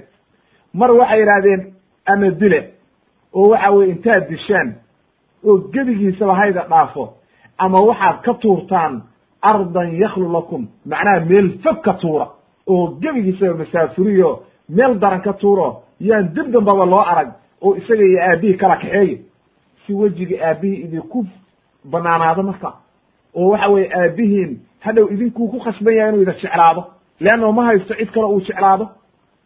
Kabacdi markaa saa samaysaan oo aabba uu ku khasbanaado inuu ida jeclaado toobad keena marka. Wa takunu min bacdi qowman saalixiin. Markaasaa toobad keenaysa. Shaydaan baa waxyoonaya qaala qaa'ilu minhum mid baa hadlo wuxuu yidhi markaa laa taqtuluu yuusufa war ha dilinina wa alquuhu ku rida fii ghayaabati ljubbi war ceelka ku rida yaltaqidhu bacdu siyaara ceelkaa waa ceel ku yiilay meesha dhulkaa falastiin ba layidhi wuxuu leeyahy ceelkaa ku rida ha qaateen oo ha la tageen dadka safarkaa oo meeshaa soo maraya biyaha ka dhaansanaya ha la tageen oo gebigiisaba ha qafaasheenoo addoon ha noqdee saas sameeya laakiin ha dilinina haddaad dishaan waa khatar wey walaalkii dhiiggiin dhiiggiisa iska badbaadiya marka xoogaa wuu caqli dhaamaa kuwii kale. Leanna waxa weeye waa laba mafsado oo dhibaataa marka haddii uu yidhi war qatliga in la dilo iyo in la fogeeyo war waxaa roon in la fogeeye bal ninku ha iska noolaadee faraha ka qaado war bal ha dilinina buy marka wuxuu yidhi ceelkaa ku rida. Ay macnaha fi dulmati lbi'r. Bi'rigaa macruufka wuxuu leeyahy marka ibnu kathiir bi'rigaas wuxuu ahaa ceelkaasi ceel macruufa oo ku yeelay falastiin ayuu ahaa. Wa ljubbina waxaa laga wadaa macnaha ceelka bartankiisa oo ceelka ku rida ayaa laga wadaa. Ay macnaha fi qacri jubbi meesha ugu hooseysa ceelka geeya si uuna uga soo bixin halkaa ku rida. Halkaa marka waxaa kaaga caddaatay wuxuu yidhi yaltaqidhu bacdu sayaara. Marka halkaa waxaa kaaga caddaatay inay bannaan tahay haddii wax meel laga helo inuu qofku qaadi karo oo waxa weeye diinteenna waa ku bannaan tahay wax baadiya haddaad meel ka heshid horta wixii inaad soo qaadid aadan cidlo uga tegin wixii waad soo qaadaysaa waa xifdiyeysaa laakin waad yaboohinaysaa oo waxa weeye calaamadaheedii iyo waxeedii baad fiirinaysaa markaasaad yaboohinaysaa sanad baad haynaysaa wax le haddii aad weydid kabacdi markaa sanad waad isticmaali kartaa wixii ka dambeeya waad haynaysaa meel baad ku qoraysaa haddii maalin maalmaha ka mida uu ku yimaado qofkii lahaa waad siinaysaa marka wuxuu yidhi marka ibnu katiir raximahullah markay ku heshiiyeen oo ku itifaaqeen inay waxa weeye ay arrintaas sameeyaan oo mid ka mida uu yidhi maaragtay ha dilinina e noocaas sameeya wuxuu leeyahay mujaahid waa shimcuun ninka la yidhaahdo ninka magaciisa shimcuun la ohan jiray ayaa yidhi ha dilinina qaarna waxay yidhahan maya waa ruubin qaar waxay leeyihiin waa yahuuda. Qaarba waxbay ku magacaabeen culummada intaba waa soo aroortay oo waxa weeye lama garanayo kii xaqiiqada yidhi ereygan laakiin kolle kii ugu caqli badnaa buu ahaa oo ugu naxariis roona ilaahay baa laakiin carabkiisa ka yeersiiyey oo waxa weeye ilaahay baa maaragtay ku ilhaamiyey oo waa xisbi ilaahay uu wana ilaalinayey nabiyullahi yuusuf oo la rabay inuu halkaas sabab ay ugu noqoto uu ku tago waxa weeye masar oo arrintiisa halkaa loo gudbiyo. Wuxuu yidhi war hadilinina ee halkaa ku rida marka. Haddaba marka sidii bay sameeyeen oo waxa weye markaa waxay u yimaadeen macnaha in kuntum faaciliin qowlo macnaha laabudda haddaad arrintii samaynaysaan oo idan wiilkaan iska daynaynin oo mar walba aad samaynaysaan war taasaa roon buy. Waxa weye waa irtikaabu akhafa dararayn wey waa qaacidadii fiqiga ahayd. Macnaha laba arrimood oo dhibaataa hadday isku kaa qabsato oo labadooda ay khasab kugu noqoto mid inaad samaysid tafruuq qaado. Marka qatli in la dilo yuusuf iyo in ceel lagu rido in ceel lagu ridaa fudud leanna ceelka waxa dhici karta inuu noolaado waana kaa noolaaday markii ceelka lagu riday ilaahayna ka soo saaray wuxuu yidhi ibnu kahiir raximahullah qaala maxamed ibnu isxaaq laqad ijtamacuu calaa amrin cadiim arrin aad iyo aad u adag oo dhibaatooyin badan leh ayay ku heshiiyeen min qadiicati raxim horta waxa weye qaraabo goysnimay noqdeen oo walaalkood bay saa u gelayaan iyo cuquuqu lwaalideyn waalidkiina way xumeeyeen oo dhibaatay ku sameeyeen wiilkii yarkaa saqiirkaa uma ay naxariisan. Oo la rabay inay u naxariistaan aad iyo aad marka waxay u sameeyeen arrin aad iyo aad cajiiba ayay sameeyeen. Sidaa daraaddeed marka dhibaato aad iyo aad u badan ayay la yimaadeen weeye. Waxayna naftooda ka dhaadhiciyeen. Waa toobad keeni doontaa haddaba arrintaas waa arrin aad u khatara. Qofku dembiga intuu yihahdo waan samaynaya kabacdina waa ka toobad keenaya lama rabo weye waa arrin khatara wey waa in laga digtoonaado wey nabiyullahi yuusuf marka arrintii markay saa ku soo heshiiyeen ayay aabbahood u yimaadeen marka. Waa qodobka sideedaad wey oo odhanaya ikhwatu yuusuf yuusuf walaalihii oo yuraawiduuna abaahu macnaha yuraawiduuna abaahum can yuusuf. Iyagoo yuusuf ka baryaya oo ka doonaya oo inuu ka kaxays maaragtay uu ku daro oo le yuusuf nagu dar ayay maaragtay halkaa marka qodob ku soo qaadaynaa oo waxa weye habkii ay ugu yimaadeen iyo habkay uga qaadeen ayaynu marka halkaan ka sheegeynaa qeyb ka mida insha allahu tabaaraka watacaala qaala allahu tacala ilahi wuxuu yihi qaaluu ya abana ma laka laa taamana calaa yuusufa wa inaa lahu lanaasixuun. Aabbow maxaa kuugu wacan bay dheheen oo aad yuusuf noogu dari weyday oo aad noogu aamini weyday annagoo u naseexaynayna oo wanaaggiisa jecel oo walaalihiisa arsilhu macanaa qadan yartac wayalcab wa inaa lahu laxaafiduun. Nagu darbaalayay berri subax maantay soo tashadeen markay go'aan ku soo gaareen inay ceelkay ku ridaan ayay caawa aabbe ka baryayaan oo waxay leeyihiin biri subax waagu markuu beryo. Nagu dara yuusuf. Waan la soo cayaaraynaa waan soo cayaarsiinaynaa. Waxa weeye boot bootintaan soo baraynaa baadiya la joogaa. Bootinta iyo geedaha sida loo fuulo iyo meelahaasaan soo cayaarsiinaynaa tartanka iyo. Nagu dar baa la yidhi annagaa xifdiyayna wiilkeed markaasuu wuxuu yidhi qaala inii layaxzunanii waxa i murugo gelinaya oon ka xumaanaya oan aad uga murugoonaya an tadhabuu bihi inaad la tagtaan oo waxa weye aniga waa i murugo gelinaysa arrintaas oo waxa weye kama maarmi karo wiilkan sidoo kale haddana waxaan ka cabsanayaa wa akhaafu an yaakulahu di'bu wa antum canhu gaafiluun idinkoo moog oo arrintaba aan ogeyn inuu waraabuhu cunana waan ka baqaya. Qaaluu waxay idhahdeen lain akalahu di'bu wa naxnu cusbatun inaa idan la khaasiruun haddii waraaba cuno oo waxa weeye annagiyo soo jeedno oo waraaba cuno haddaba khasaaraa nahay marka. Annagoo toban nin ah haddii waraabuhu naga cuno haddaba maxaa naga ku falayaa marka? Wuxuu leeyahay ibnu kahiir raximahullah dalabuu min abihim an yursila macahum akhaahum yuusuf. Waxay ka dalbeen inuu ku daro yuusuf. Waxayna u muujiyeen keliya inay rabaan inay wiilkaas soo cayaarsiiyaan. Ciyaalka waa aragteen markay koox waaweyn yihiin iyo koox yar yara iyo kan yar yar oo waxa weye ilmaha yarkaa iyo kuwa waaweyn mar walba waxay jecel yihiin inay gacanta qabtaan oo soo cayaarsiiyaan oo waxa weeye ay meelaha kaxkaxeeyaan ayay jecel yihiin. Ilmaha waxa weeye mar walba ka weyn ayaa raba inuu kaxeeyo oo waxa weye gacanta uu qabto oo lagu daro. Taasay muujiyeen marka. Oo odagii u muujiyeen aabbahood iyo waxa weye waaridkii taasay u muujiyeen. Qalbigana waxay gashadeen xumaan oo waxay yidhahdeen yartac wa yalcab. Wuu nala soo cayaarayaa. Ay macnaha fi lbaadiye baadiyahaasaan u baxaynaa. Waxa weeye guriga mar walba ma joogi karno. Halkaa duurkaasaan aadaynaa baadiyaha. Waxa weeye miruhuu soo cunayaa. Waxa weeye geela iyo xoolaha ayaan caana ka soo siinaynaa. Maalintaas o dhan halkaasuu nala soo cayaarayaa marka. Bootinta iyo orodka iyo musaabaqada iyo ayuu soo baranaya sida loo legdame iyo dhalinyarada iyo ayuu dhex gelaya oo nin raga ha noqdee wiilka maxaad guriga ugu haysa? Nagu dar baa la yidhi wiilka. Marka qowluhu yartac ay macnaha sidii nin qaala shaacir waxa uu yidhi tartacin maa gafilti xataa ida dakarti fa inamaa hiya iqbaalun wa idbaarun.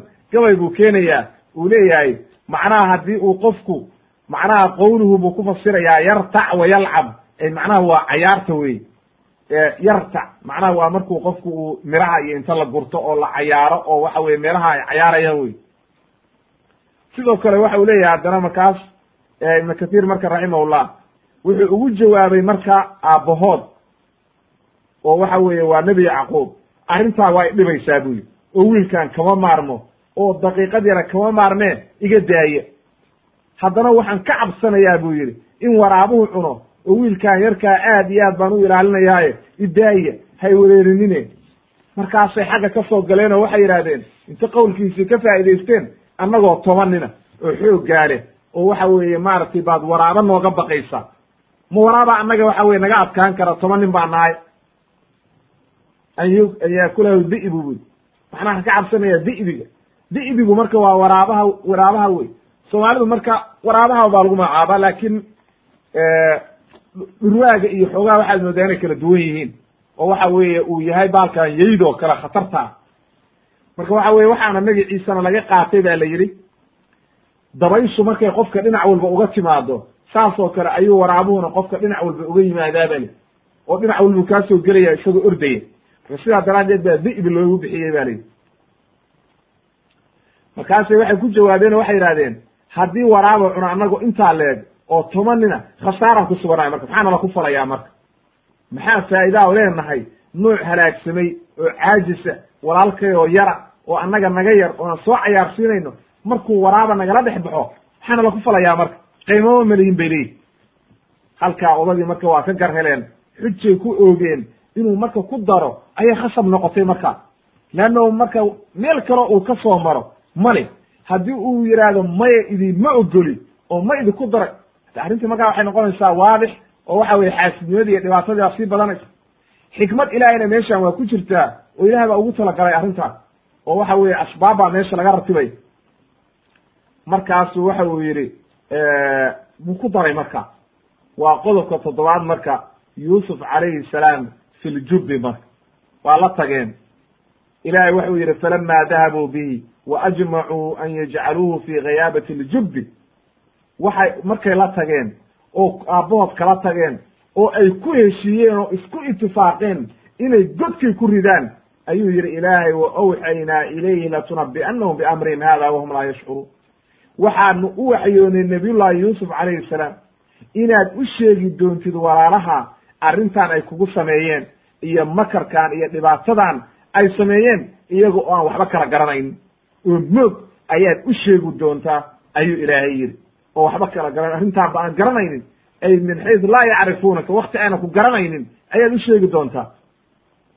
Wa jaa-uu abaahum cishaaan yabkuun iyagoo ooyaya ay aabbahoodi habeenkii u yimaadeen markay wiilkii maanta ceel ku soo rideen. Qaaluu yaa abaana inaa dahabna nastabiqu wa taraknaa yuusufa cinda mataacina faakalahu di'bu oo hadda lahaydeena haddii uu maaragtay hadduu lain akalahu di'bu wa naxnu cusbatun sow idinkii lahaa inaa idan la khaasiruun sow idinkii lahaa haddii waraaba cuno khasaaraanu ku suganna. Bal beentooda iyo kalaamkoodu si isaga hor imaanayo ufiirso haddana markaasay waxay leeyihiin tartan baan gallay waan ka tagnay yuusuf oo alaabtii la jooga markaasaa waraabihii cunay.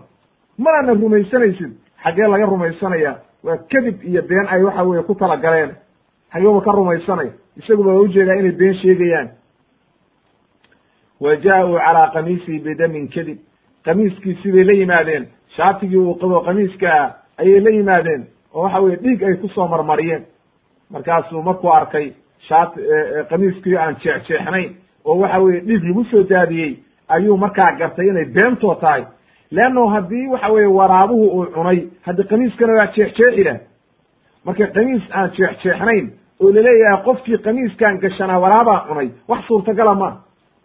Qaala bal sawarat lakum anfusukum amran fa sabrun jamiil wey wallahu mustacaan calaa ma tasifuun markaasu wuxu leyahy marka ibnu katiir raximahullah waxay kamay zuulin buu yidhi inay horta aabbahood ay wiilkii ay ka baryayaan oo dhinac walba ka soo gelayaan oo wax walba tuseen. Markay nooc walba u tuseen ayuu ku daray. Mar alla markay la dhaqaaqeen buu yidhi. Ayay waxay ku bilaabeen feer iyo laad iyo waxa weeye jugayn iyo xanaaq iyo wax mar alla markay kala kala dhamaadeen oo kala dhuunteen oo waxa weye ay kala qarsoomeen oo waxa weye ay meel fog la tageen ayay jug iyo waxay ku bilaabeen horta. Jugayn iyo xanaaq iyo cadaawad inay tuseen waa ninkii walaalkooda ahaa oo waxay ay yidhahdeen waa soo cayaarsiinayna mar alla markay ceelkii tageen oo ceelkii ku rideen ayaa ilaahay u waxyooday markaa nabiyullahi yuusuf oo lagu yidhi ilaahay waa kaa saarayaa meeshaan. Ilaahay baa faraj kuu bixinaya waana lagaa saarayaa dhibaatadaana waad ka baxaysaa. Walaalahaana waxaad u sheegi doontaa arrintan ay kugu sameeyeen. Iyagoo waxa weye adoo casiisa oo sharaf leh oo madaxa iyagoo masaakiina oo baahi soo dishay oo ku baryaya ayaad u sheegi doontaa. Waa kan aakhirka odhanaya. Hadhow marka ugu dambaysa markuu isbarayo. Hal calimtum ma facaltum biyusufa id antum jaahiluun ma garanaysaan yuusuf waxaa ku samayseen markaa jaahiliinta ahaydeen? Waa isaga odhan doona halkaa marka ayay noqonaysaa meesha leeyahay maarata ilaahay uu leeyahay waxaad u sheegi doontaa iyagoo aan ku garanaynin.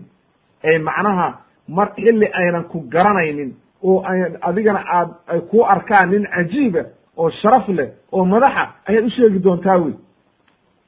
Sidaa daraaddeed marka ayaa arrintaasi daliil waxay u tahay marka aayaddaasi. Qowluhu tacaala wa awxaynaa ilayhi latunabi'annahum biamrihim hada wahum laa yashcuruun macnaha waxay daliil u tahay nabiyullaahi yuusuf ilaahay inuu u waxyooday isagoo yara oo nebi laga dhigay. Leanna waxyiga haddii qof loo waxyoodo waa nebinimo wey sidaa daraaddeed marka nabiyullaahi yuusuf waa nebi weeye halka ayaa nebinimo lagaga dhigay leanno nebinimada looma shardiyo inuu qofku qaangaar yahay sida risaalada oo kale risaalada oo waxa weeye qof in rasuul laga dhigo ayaa waxa weeye shardi waxay tahay inuu qof xoog leh oo caqli leh oo wax kala miisaami kara oo waxyaalo badan kala garan kara inuu yahay laakiin nebinimada isagoo yar baa ilaahay ka dhigi karaa qofka nebi sidaa daraaddeed bay culimmadu waxay leeyihiin isagoo yar ayaa nebi laga dhigay wey oo aayaddaasaa kutusaysa marka nebinimadiisa inuu nebi ahaa. Waana tuu lahaa maaragtay nabiyullahi yacquub. Qaar baa culimadu waxay leeyihiin maya ee waxaa loo jeedaa nabiyullahi yacquub. Laakiin qowlka daahirkaa waxa weeye sida ibnu cabaas leeyahay ee waxaad u sheegaysaa fi xaalin laa yacrifunaka fiiha waxaa laga wadaa nabiyullahi yuusuf calayhi salaam. Wuxuu yihi marka ibnu kahiir falama wadacuuhu fiihi wa rajacuu canhu. Intay dhigeen oo ceelkii ku rideen ayay soo noqdeen oo qamiiskiisii inta kala soo baxeen oo neef arya qaleen oo dhiiggii ku daadiyeen ayay hameenkii inta maalintii oo dhan meeshii cayaarayeen oo dhuunteen si ayna qoraxda ugu dhacdo. Leanna hadday isla maalintiiba yimaadaan wuxuu leeyahay tusa meeshii waraabuhu ku cunay dhiiggiisii iyo meeshii raadkiisii geeya hameeni bay u yimaadeen. Habeenkiiba iyaga ooyaya qoraxdii markay dhacday wa jaa-uu abaahum cishaaan yabkuun. Waa hameenimadii weye waa fiidkii cishaha waxaa la yidhahda xilliga cishaha oo kale ayay u yimaadeen.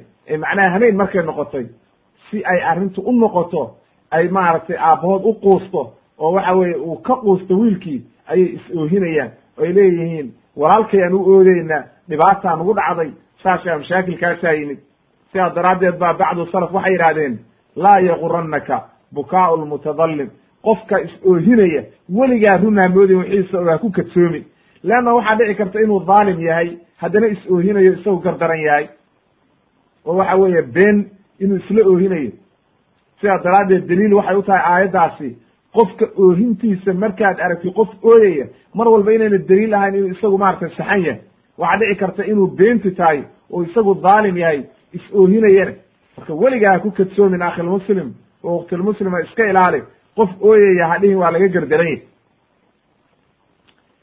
waxaa halkaas markaasu haddana waxa u yidhi marka ibnu kathiir aabbahood markay u yimaadeen oo ay u sheegeen ba waxay yidhaahdeen aabbow tartan baan aadnay. Inaa dahabnaa nastabiqu wa taraknaa yuusufa cinda mataacina faakalahu diib macnaha waxaanu aadnay inaan soo tartanno oo annagoo ka maqan ayuu cunay wiilkii.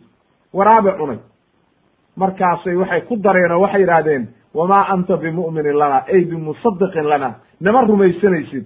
Waxaanu kuu sheegayno oo aan kuleenahay waraabaa cunay.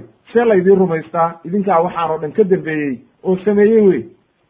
Leanna waxa weeye awal baad naga shakisanayd wey iyagii baa caddaynaya oo odhanaya awal baad naga shakisanayd oo waxa weye aad naga cabsanaysay. Waatuu yidhi waxa imurugo gelinaysa inaad la tagtaanba. Sidaa daraaddeed marka ayay waxay la yimaadeen markaasuu yidhi kamiiskii oo ay dhiig beena ku soo daadiyeen oo waxa weeye beena oo aan waxba ka jirin.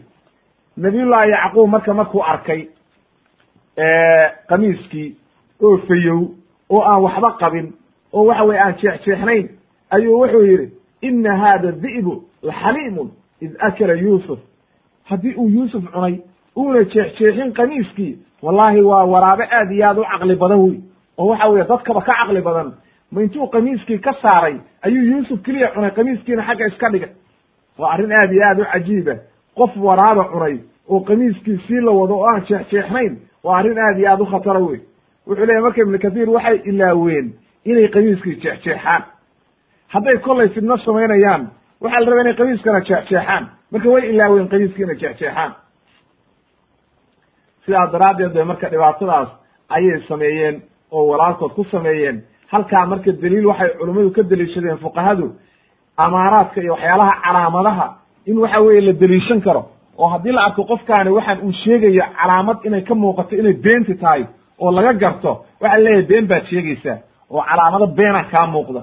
Waa fiqiga loo isticmaalaa oo arrin jirta wey wuxuu yidhi ibnu kathiir raximahullah waxaa la yidhi waxay u qasdeen neef ariyay gowraceen markaasay waxa weye dhiiggiisii marmariyeen kamiiskii oo waxa weye ay kamiiskii markaa soo qaateen si ay u tusaan aabbahood inuu kamiis waraaba cunay laakiin waxay ilaaween inay jeexjeexaan. Markay u muuqatay marka yacquub calayhi salaam inay nimankan been sheegayaan oo waxa weye wiilkii iyagu ay dhibaato ku sameeyeen ama dileen ama khaarajiyeen ayuu markaas wuxuu yidhi bal sawarat lakum anfusukum amra. Ay macnaha been baad sheegaysaan waad been abuurateen waxaan aad sheegaysaanna waxba kama jiraan idinka ayaa waxaa sameeyey idinkaa wiilkii dilay dhibaatana sameeyey anigu laakiin waa sabraya oo ilaahay baan u sabraya ayuu yidhi.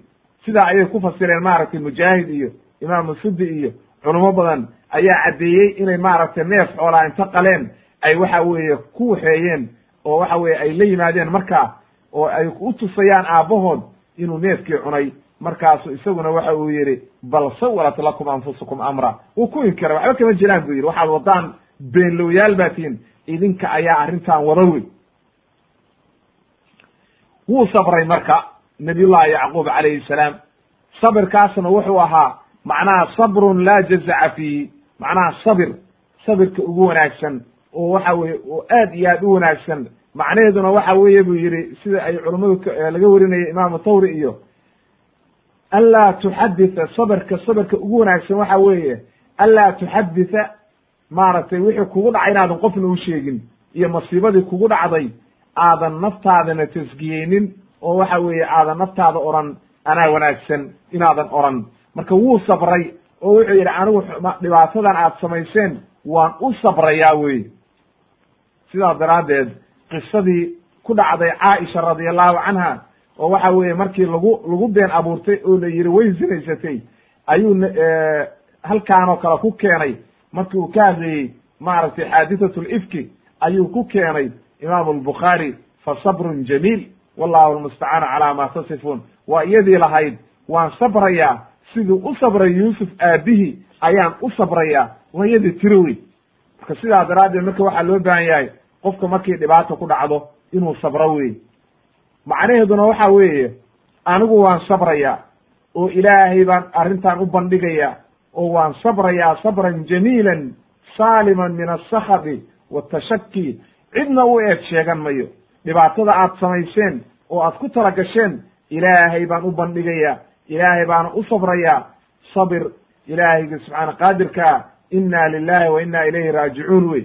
Ilaahay baan u noqonayaa ilaahay baana masiibadan iyo dhibaatadan inuu iga saara aan ka rajaynayaa weeye. Halkaa marka waxaa inooga inooga caddaatay xaasidnimadii yuusuf walaalihii waxay gaarsiisay inay waxa weeye heerkaa gaareen oy ceel ku rideen oo dhibtaasoo dhan ku sameeyeen. Haddaba waxaynu u imaanaynaa qowlka sideedaad oo oranaya aqwaalu lculamaa fi man asara yuusuf calayhi salaam. Qowluhu tacaala ilahi wuxuu yidhi wa jaaءat sayaaratun faarsaluu waaridahum faadlaa dalwa. Qaala ya bushraa hada gulaam wa asaruuhu bidaaca wallahu caliimun bima yacmaluun. Wuxuu leeyahay ibnu kahiir marka raximahullah ilaahay wuxuu inoo sheegay yuusuf arrintii ku dhacday ceelkii in lagu riday ceelkiisiibuu iska fadhiistay isagoo sugaya ilaahay inuu faraj u keeno oo arrintan ka saaro. Markaasaa ilaahay wuxuu u keenay niman safara oo musaafiriina oo u socda maaragtay ka yimid xaggaa iyo sham oo meesha soo maray oo ceelka raba inay biyo ka darsadaan oo u socda meesha la yidhahdo masar ayay u yimaadeen wey markaasay waxay u direen qeyb ka mid ah oo waxay yidhahdeen orda ceelka biyo inooga soo dhaamiya fa adlaa dalwa. Dalowgii waa weelka waxaa lagu soo dhaansado wey dalowga ama wadaanta iyo kaa dhaadidba ayuu waxa weye ceelkii ku riday oo biyihii isiri soo dar. Wuu soo bixiyey xarig baa xarigga waa tan lagu xidho. Markuu soo bixiyey dalowgii mise wiil baa ka laalaada.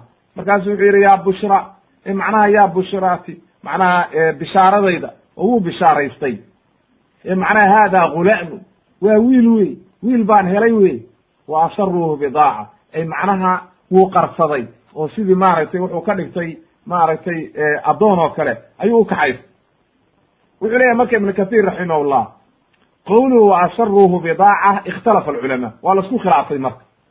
Fii man asara yaa qafaashay oo la tegey oo qarsaday waa ninkee weeye ninka badeecada ka dhigtay oo yuusuf noocaa sameeyey waa kee wuxuu yidhi marka aqwaal badan markuu sheegay wa awla alaqwaali waxa weeye buu yidhi in la yidhaahdo qowlu man qaala wa asara waaridu lqowmi waxa qarsaday oo kaxaystay ninkii waxa weeye ceelka ka soo saaray oo dalowga haystay oo loo soo diray biyaha ayaa qarsaday weeye oo ka qariyey raggiisii. oo waxa uu sameeyey ayuu leeyahay markuu ceelkii kala soo baxay oo soo kaxaystay wiilkaan yarkaa oo qaawan ayuu soo kaxaystay. Markaasay dadkiisii waxay markuu u tegey dadkii soo diray ayaa waxay ku yidhahdeen waa maxay wiilkaa wadatay markaase waxay yidhaahdeen waa addoono waxaa noo soo dhiibtay dadkii biyaha joogay oo dad meesha deganaa ayaa yidhi masar nooga soo gada oo waxa weye waa addoon naloo soo dhiibto ammaano wey oo waxay diidayeen haddii ay yidhaahdo hadduu yidhaahdo wiilkaan meel baan ka helay inay yidhahdaan hadda wax naga siiya marka aynu wada gadanno lacagtiisana waa wada leenahay haddii kale waa wax meel laga helayo keligiin qaadan maysaan. Saas ayay marka u qarsadeen ayuu leeyahay maarata ibnu jariir adabari qowlka ayaa ugu wanaagsan buu leeyahay. Wuxuu leeyahay marka laakiin culummada qaar baa waxay leeyihiin walaalihiis ayaa arrintan ka shaqeeyey. Marka dib bay inooga imaanaysaa horta qowlka ibn ibnu jariir aan dhamaynayna ama qowluhu tacaala wuu leeyahay wallahu caliimun bima wallahu caliimun bima yacmaluun waxaa laga wadaa ay caalimun. Ilaahay wuu og yahay. Waxa ikhwatu yuusuf ay samaynayaan. Walaalkood dhibaataday ku sameeyeen. Iyo mashaakilka lagu sameeyey. Iyo kuwaan kaxaystay oo qarsaday. Intaba ilaahay waa og yahay. Sidaa daraaddeed haddana ilaahay waa daynaya. Xikmad baa ku jirta. Waxaa la rabaa inuu masar tago ninkaani. Isagoo waxa weeye daahirka aad moodid addoon la soo qafaashay oo la iibiyo oo masar ku koro ilaa iyo marka dambena uu gaaro heer uu noqdo madaxdii dhammayd oo masar oo waxa weeye ilaahay nebinimo siiyo heerkaa ayuu gaaraya. Marka ibnu jariir wuxuu yidhi macnaha wuxuu ilaahay waa og yahay arrintaas haddana waa daynaya. Sida ilaahay marka nebiyullaahi yuusuf uu saa ugu galay oo u daayey oo arrintaasoo dhan u daayey ma aha macnaheedu inuu nebiyullaahi yuusuf ilaahay uu nacay. Ee waxa weeye xikmad baa ku jirta wey ulajeedaa laga leeyahay asbaab baa arrintan ku jirta oo looga dhigaya. Sidaa daraaddeed marka nebigana waxay u ahayd sabirsin waxaa la leeyahay nebi maxamedow qurayshi ha ogaato dhibaatada ay kugu samaynayso iyo waxa weeye cayrinta ay kaa cayrinayaan marka iyo mashaakilka waan dilaynaa ay leeyihiin yay moodin ilaahay inuu ku nacay. Waxaa dhici karta in lagaa saaro oo ay ku saaraan. Sidaa daraaddeed haddana loo daayo asbaab ay noqoto kabacdi markaa aakhirka dambe ilaahay kugu soo celiyo xoog iyo awood adoo leh oo sharaf iyo cizi leh marka ay hoostaada yimaadaan oo kulli ku baryaan sidaasina way dhacday oo waa tii inta nebi maxamed laga saaray maka aakhirkiisi markii dambe isagoo dhuumanaya waatuu ka baxay markii hore. Isaga iyo abubakar waatay ka baxeen oo godka galeen iyaguna cayrsanayeen kabacdi markaa markii dambe waatuu soo galay cizi iyo sharaf iyo wanaag waatuu ku soo galay iyo waxa weeye iyagii o dhan uu qabsaday oo ay baryeen marka. Oo uu yidhi maanta maxaad maxaad umalaynaysaa inaad ku samaynayo? Markaa yidhaahdeen wiil wanaagsan baa tahay walaalkaya fiican baa tahay khayr baan kaa rajaynayna markaa u yidhi horta iska taga waa la yidhi cafiyey. Sidaa daraaddeed marka waxaa ku jirta arrinta xikmad iyo waxa weeye ilaahay baa ulajeedo ka lehe ma aha ilaahay inuu nacay nabiyullahi yuusuf oo dhibaatadaasoo dhan loo daynayo marka dadka qaar baa isdhihi karaa hadduu nebi ilaahay ahaa maxaa dhibtaasoo dhan ilaahay ugu talagalay? Oo waxa weye ilaahay dhibaatadaasoo dhan uga badbaadin waaye. Arrin baa ku jirtay xikmad iyo waxa weye ulajeeda arrintan laga lahaa in waxa weeye saas arrintu ay noqoto oo uu masar tago isagoo aad moodid addoon. Hadhowna waxa weeye tartiib uu saa ugu baxo oo waxa weye uu noqdo aakhirka dambe kan waxa weye masar oo dhan isagu maamulo wey culummada marka qaar baa waxay leeyihiin walaalihii ayaa laga wadaa oo waxa weeye nimanka laga wado wa asaruuhu bidaaca waa walaalihii oo walaalihiisaa iibsaday oo ka iibiyey nimankii waxa weeye meesha soo maray oo biyaha dhaansanayey ayuu ka iibiyey ayay qaar yidhaahdeen marka qowlkaasaa raajixa oo ibnu jariir uu rajaxaya inay tahay nimanka la leeyahay wa asaruuhu bidaaca oo badeecay ka dhigteen oo waxa weeye way qarsadeen oo intii kaley ka qariyeen inay tahay nimankii nabiyullaahi yuusuf ceelka ka soo saaray ayuu ku rajaxayaa ibnu jariir adabari raximahullah. Waxaynu u soo gudbaynaa marka ceelkii waa laga soo saaray nabiyullaahi yuusuf waana la kaxaystay iibkii la iibiyey marka iyo wa sharawhu bithamanin baksin culummadu waxay ka yidhaahdeen ayaynu qodobka sagaalaad ka dhigaynaa waan soo gebagabaynaynaa saddex qodob baa ka haray qeybtan hore qaala allahu tacala ilahi wuxuu yidhi wa sharawhu bithamanin baksin daraahima macduuda wa kanuu fiihi min azaahidiin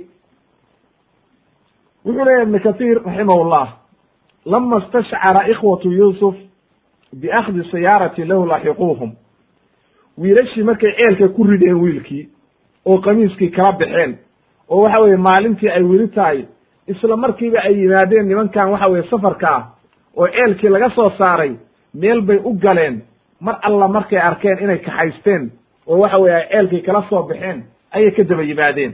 Oo u yimaadeen oo waxay yidhaahdeen addoon aan leenahay weeye oo naga soo cararay ama naga iibsada ama na siiya addoonkeega kaxaysan maysaan. Markaasay waxay ku yidhahdeen waaya naga iibiye.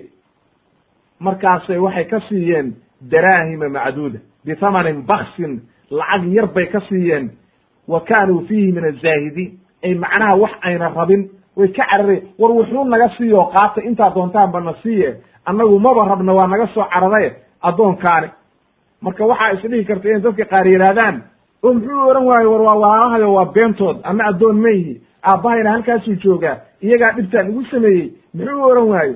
Waxay leeyihiin culummadu wuu baqay oo wuxuu ka baqay hadday noocaa uu yidhaahdo inay yidhahdaan ord walaalaha raac iyaguna ta kaxaystaan ay dilaanba leanna awal markii hore waabatay dili gaareen marka wuu iska aamus ilaahay baana ugu talagalay waxaana dhici kartoo kale in loo waxyooday hano ninkaan waa nebi wey la yidhi aamus waxba ha dhihin oo loo waxyooday oo loo sheegayba in masr la geyn doono inuu saa noqon doono ilahay inuu waxyoodayna waa dhici karta sidaa daraaddeed nabiyullaahi yuusuf waa aamusay waxna ma oranin iyagii markaas ayaa markaa ka iibsaday oo waxa weeye sidaa daraaddeed ayay u kaxaysteen lacag yar inta ka siiyeen ibnu jariir dabri waxau leeyahay marka raximahullah wuxuu leeyahay sidoo kale culummadu waa isku khilaafeen. Markuu khilaafkii sheegay iyo intii laga yidhi oo waxa weye bithamanin baksin lacagtaani meeqay ahayd intii la yidhi iyo aqwaashii markuu sheegay ayuu wuxuu yidhi qowlka ugu sawaabsan oo waxa weye ugu saxiixsan waxa weeye in la yidhaahdo wa sharow ikhwatu yuusufa yuusuf bithamanin baksin nimanka marka iibiyey marka ugu horreysay yuusuf laba jeer baa la iibiyey. Marka hore walaalihiisaa iibiyey oo waxa weeye ka siiyey nimankii ceelka kala soo baxay ayay lacag yar ka siiyeen. Oo baksi oo waxa weye aad u liidata ayay ka siiyeen. Waxaan qiimo lahayn ayay ka siiyeen.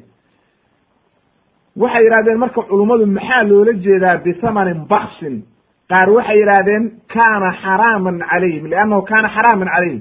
Lacag xaaraamay ka siiyeen. Wax walba oo xaaraamana waa baksi wey waa wax xun wey qaarna waxay yidhahdeen sida daxaag oo kale ayaa qowlkaa odhanaya. Qaarna waxay yidhahdeen maya waxa weeye dulmi baa lagu gaday maadaama dulmi lagu gaday oo beecaasi dulmi buu ahaa lacagtiisuna xaaraan bay ka ahayd inay gadaan walaalkood oo xor ah inay addoonnimo u iibiyaan xaaraan bay ahayd sidaa daraaddeed waa dulmi iyo xaaraan iyo bakti wey qaarna waxay yidhahdeen culummada maahe waxa weeye qaliil wey waa lacag yar bay ka siiyeen daraahima macduuda. Marka qowlkaasaa u raajaxsan inay lacagtaasi lacag yar ahayd. Leanno ilaahay wuxuu ku daro wuxuu yidhi daraahima macduuda ay lacag yar oo tirsan. Marka lacagtaasi wuxuu leeyahay ibnu jariir ay macnaha daraahima macduuda waxa ay ku iibiyeen gayru mawsuuna gayra mawsuuna lacag aan la miisaamin marka waxa yidhi waktigii xilligaas nabiyullahi yacquub xilligiisii lacagta waa la miisaami jiray. Oo afartan wiqi arbaciina dirham ayaa ugu yarayd ba la yidhi inta miisaanka la saaro. Marka afartan dirham wax ka yar ayay ka siiyeen. Oo wax miisaankii ka yar leanno haddii la miisaamay intaasoo miisaan ay ka siiyeen baa la odhan lahaa. Marka wax miisaankii ka yar ayay ka siiyeen wey marka wuxuu leeyahay way dhici kartaa inay labaatan noqoto wayna dhici kartaa inay ka yaraato. Qaar culummadu waxay yidhahdeen waa labaatan qaar waxay yidhahdeen waa soddon qaar waa afartan qaarba waxbay ku sheegeen. Calaa kulli xaal marka waxa weeye qowlka ugu saxiixsan waxa weeye buu yidhi in la yidhaahdo lacag yar bay ka siiyeen oo aan gaarin intii wax lagu wada miisaami jiray aan afartan dirham dhamayn ayay ka siiyeen. Sidaas daraaddeed ba culimo badan waxay leeyihiin sida cabdullahi ibnu cabbaas iyo cabdullahi ibnu mascuud iyo saxaabadii waxay leeyihiin labaatan dirham bay ka siiyeen oo toban bay ahaayeen oo millabay u qaateen. Qaarna waxay leeyihiin soddon bay ka siiyeen qaar afartan qaarba waxbay ku dareen. Marka sidaa daraaddeed ibnu jariir dabari wuxuu ku rajaxay waxa uu yidhi lacag yar oo intay doontaba ha noqotee lacagtii la miisaami jiray ka yar arbaciina dirham ka yar ayay ka siiyeen. Markaasay la tageen marka. Afartan xoogaagoodiiba inta jeebka kuwaana ku riteen oo laba laba dirham u qaateen ayay markaa ka dhaqaaqeen. Ila wiilkan wa kanuu fiihi min azaahidiin maba ay rabin.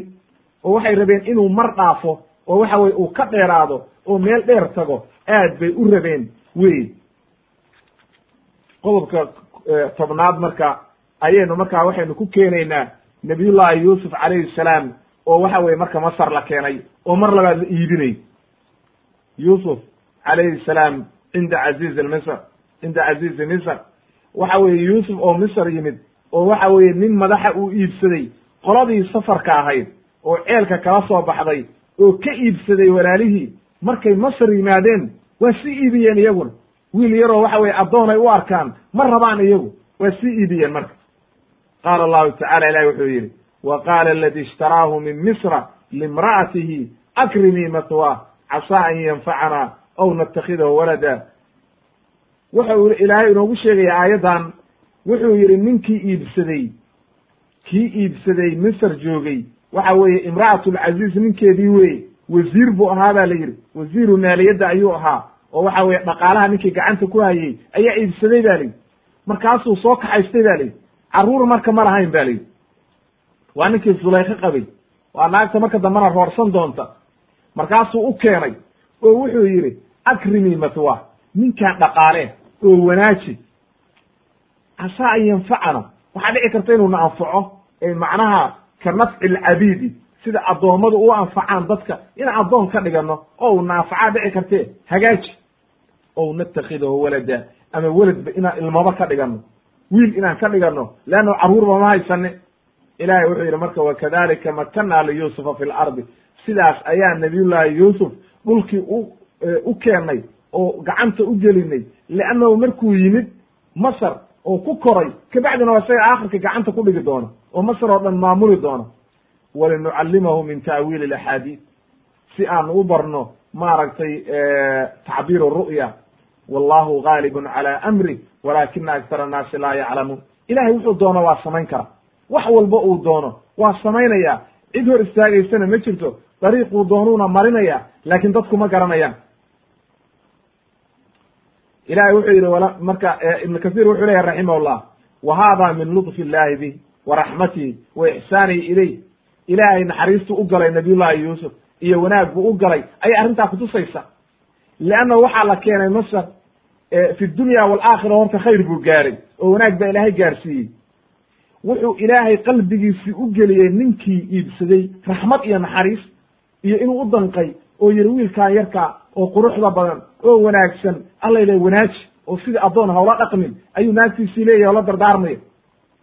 Qaala ibnu isxaaq wuxuu yidhi waxaa la ohan jiray idfiir ayaa la ohan jiray ninkii boqorka maalintaa masar ka ahaana wuxuu ahaa ba la yidhi alrayaan ibn alwaliid. Qaarna marka wuxuu gadaalna ka leeyihiin sulaykhana waxay ahayd ninkan rayaan ayay la dhalatay oo waxa weye boqorka walaashiisayba ahayd marka gurigii dhammaa oo madaxda oo reerkao dhan waddankao dhan laga maamulayey ayuu galay oo waxa weye yuusuf ilaahay uu geeyey oo halkaa waxa weye lagu koriyey. Qaar wuxuu leeyihiin oo waxa weeye magaceeda waxaa la ohan jiray maaragtay raaciil ayaa la ohan jiray laakin zulaykhana waa lagu magacaabay. Waxaa dhici karta marka zulaykhana inay ninaas ahayd raaciishuna magaceeda asalkaa ahaa labadaba waa suurtagal wey wuxuu kaloo marka leeyahay sidoo kale cabdullahi ibn cabaas laga warinaya ninkii ceelka kala soo baxay oo soo kaxeeyey oo masar keenay oo iibiyey waxaa la odhan jiray malik ayaa la odhan jiray wuxuuna galaa buu yidhi qabiilkii reer madyan oo aynu ka soo sheekaynay oo oo midyaan ibni ibrahim ayuu qabiilkaasu ahaa buu yidhi. Laakiin taasi waxay u dhowdahay inay banu israa'iiliya tahay oo waxyaalihii reer banu israa'iil inay tahay leanna wax daliil oo ku sugnaatay ma jirto wey waxaa kaloo ka sugnaatay cabdullahi ibni mascuud inuu yidhi afrasu nnaasi halaata macnaha dadka dadka ugu wanaagsan oo wax wanaagsan sameeyey waa ninkii caziizu masr misr markuuna xaaskiisii ku yidhi akrimii matwa. Dardaaran aad u fiican buu siiyey oo wuxuu yidhi wiilkaan wanaaji oo dhaqaale. Iyo gabadhii nabiyullaahi muusa calayhi salaam markii uu masar ka soo cararay oo uu qibdigii dilay oo waxa weeye intuu soo cararay uu reer madyan iyo halkaa yimid uu ninkii saalixa ahaa labadii gabdhood intuu ariga u waraabiyey ay gabar u soo diray. Markuu u yimid oo arrintii uga sheekeeyena ay ku tiri gabadhii markaa yaa abati yaa abati ista'jirhu ninkaa noo kire oo waxa weye ha kula joogo oo waxa weye markaa kabacdi loo guuriyey labadii gabdhood. Mid ka mid a iyo abubakr radiallahu canhu markii uu khilaafada u dhiibay cumar ibn khadaab saddexdaasba arrin aad iyo aad u wanaagsan ayay sameeyeen oo waxa weye aad iyo aad u wanaagsan ayuu leeyahy cabdullahi ibn mascuud. Marka caziizu misr wax wanaagsan buu sameeyey oo waxa weeye wiilkii markuu gacanta ku dhigay ayuu wuxuu u arkay wiilkaani wiil sharaf leh oo wanaagsan inuu yahay. Markaasuu u dhiibay oo wuxuu yidhi gabar yahay wiilkaan hagaaji oo xumaan ha ku samaynin oo waxa weeye noloshiisa iyo degaankiisa iyo dhaqaale. Ama qowluhu tacaala wakadalika makanna liyusufa fi lardi ay sidaa macnaheedu waxa weeye ibn kathir sidaa aanu ugu diyaarinay oo maaragtay ninkaas iyo xaaskiisii iyo kulli ay ugu naxariisanayaan ayaanu yuusufna aanu u makansiino gacanta ugu gelinay dhulkii oo dhan kabacdi markii dambana. Ibnu jariirna waxa u leeyahay raxima raximahullah waxa uu leeyahay sidaa nabiyullahi yuusuf uga soo badbaadinay walaalihii intay damceen inay dilaan oo dhibaato ku sameeyaan baan ka badbaadinay markaasa haddana ceelkii ka soo saarnay markay ceelkii ku rideen haddana markaasaanu karaamo iyo manzile iyo wanaag gaarsiinay intaasoo dhan ayaanu nabiyullaahi yuusuf u samaynay oo wanaaga. Nebi maxamed oo adigana wanaag oo dhan waa kuu samaynaynaa. Ee waxa weeye nimankaani yaynan moodin. Intaan yar oo waxa weeye waktiga yaynan is oranin. Wanaag oo dhan baad gaarteen. Arrinta waa laysaga dambeeyaa wey. Wa qowluhu tacaala walinucallimahu min taawiili axaadiid ay macnaha waxaanu barnay tacbiir ru'ya ayaa laga wadaa. Wallahu gaalibun calaa amrii arrinteeduna waxa weeye ay macnaha ilaahay arrintii nebi yuusuf oo dhan sidaa ilaahay baa u kala deberay suu doonana ku samaynaya cid hor istaagi kartana ma jirto. Ilaahayna waxa weeye wixii uu doono asbaab buu u sameeyaa laakiin binu aadmigu garan mayaan. Asbaabta ilaahay markuu samaynayo uu doonayo inuu asbaab u sameeyo waxaan ma garanayaan binu aadmigu. Oo waxa weeye dadkii ma garan karaan oo kuma hanuunayaan laakiin ilaahay wax walba asbaab buu u sameeya oo cid ka xoog badan oo waxa weye arrintiisa hor istaagaysana ma jirto. Walaakina aktara annaasi laa yaclamuun. Dadka intooda badan laakiin ma garanayaan. Oo haddii ay garan lahaayeen ilaahay bay tala saaran lahaayeen oo ku kalsoonaan lahaayeen. Sidaa marka nabiyullahi yuusuf loo badbaadiyey ayaa nebi maxamedna tasliye looga dhigayaa. Iyo waxa weeye sabirsiin oo la leeyahay adigana wanaag oo dhan baa kuu dambeeya. Ee waxa weeye yaynan moodin inay waxa weeye ay waxa weeye guulaysteen yayna weligood is orani wey qodobka ugu dambeeya marka qeybtan koowaad waxa weeye aqwaal alculamaa fi sini buluq alashud walama balaga ashuddahu ayuu yihi ilaahay. Marka sinigaas da'daas la yidhaahdo qofku wuxuu gaadhay xooggii oo u dhammaystirmay maxay tahay? Qaala allahu tacala ilahi wuxuu yidhi walama balaga ashuddahu aataynaahu xukman wa cilman wa kadalika najzi lmuxsiniin ibn kasiir wuxuu leeyahay fadalla calى ana hada kule kaana qabla buluuq ashud inuu ahaa inta uunan dhammaystirmin xooggiisii oo qofkuu dhammaystirmin xooggii iyo caqligii. Wuxuu yidhi wa huwa xadd larbaciin waxay ahayd buu yidhi marka nabiyullahi yuusuf intaasoo dhan waxay ku dhacayeen saqiirnimadiisii oo waxa weeye waa intii uunan afartan gaarin ayaa waxa weeye qafaalka iyo dhibaatada iyo mashaakilkaasoo dhan isagoo yar ayaa la keenay masar oo dhibtaas oo dhan ku dhacday.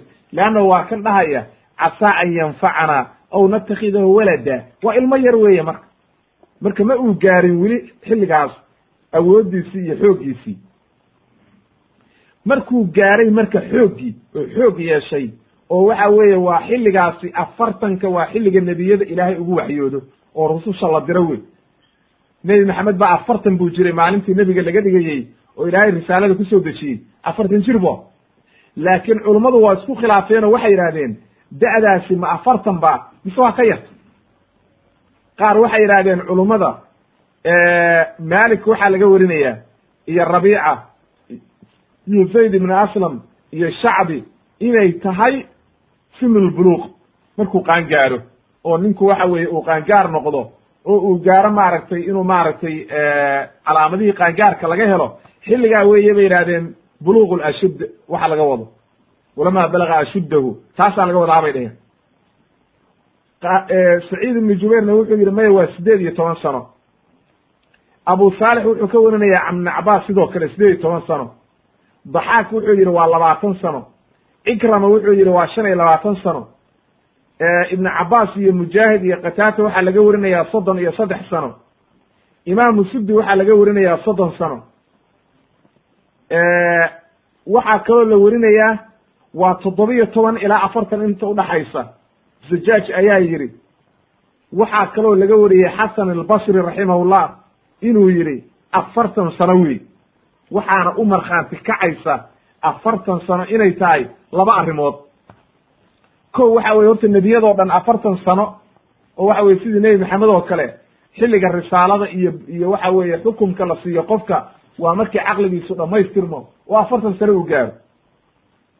Waxaa kaloo u markhaanti kacaya qowluhu tacaala ilahay waxa uu yidhi wawasayna alinsana biwaalidayhi ixsaana xamalathu umuhu kurhan wawadacathu kurha wa xamluhu wa fisaaluhu halaathuuna shahra intaa ilaahay markuu inoo caddeeyey in waxa weeye ilmihii lagu dha hooyadii ku dhashay dhib ay uurkii dhib ku qaaday soddon bilood ay marna nuujinaysay marna dhabarka ku siday marna uurka ku siday ayuu ilaahay aakhirkii wuxuu yidhi xataa idaa balaga ashuddahu markuu xooggiisii gaaray wa balaga arbaciina sanatan.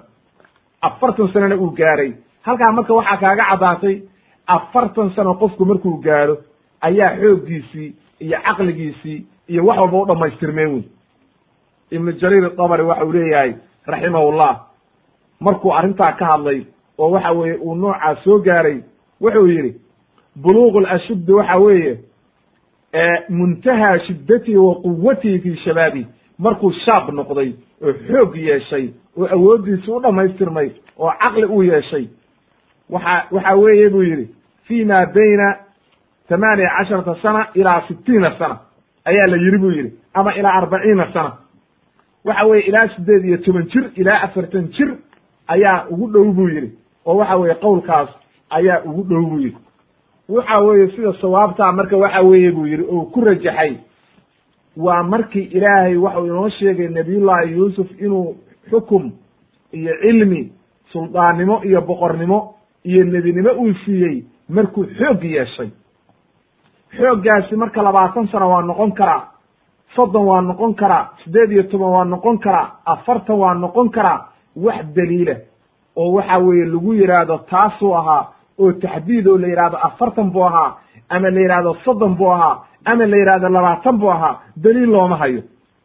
Sidaa daraaddeed marka waxa weeye in la yidhaahdo siduu ilaahay u yidhi walama balaga ashuddahu aataynaahu xukman wa cilma.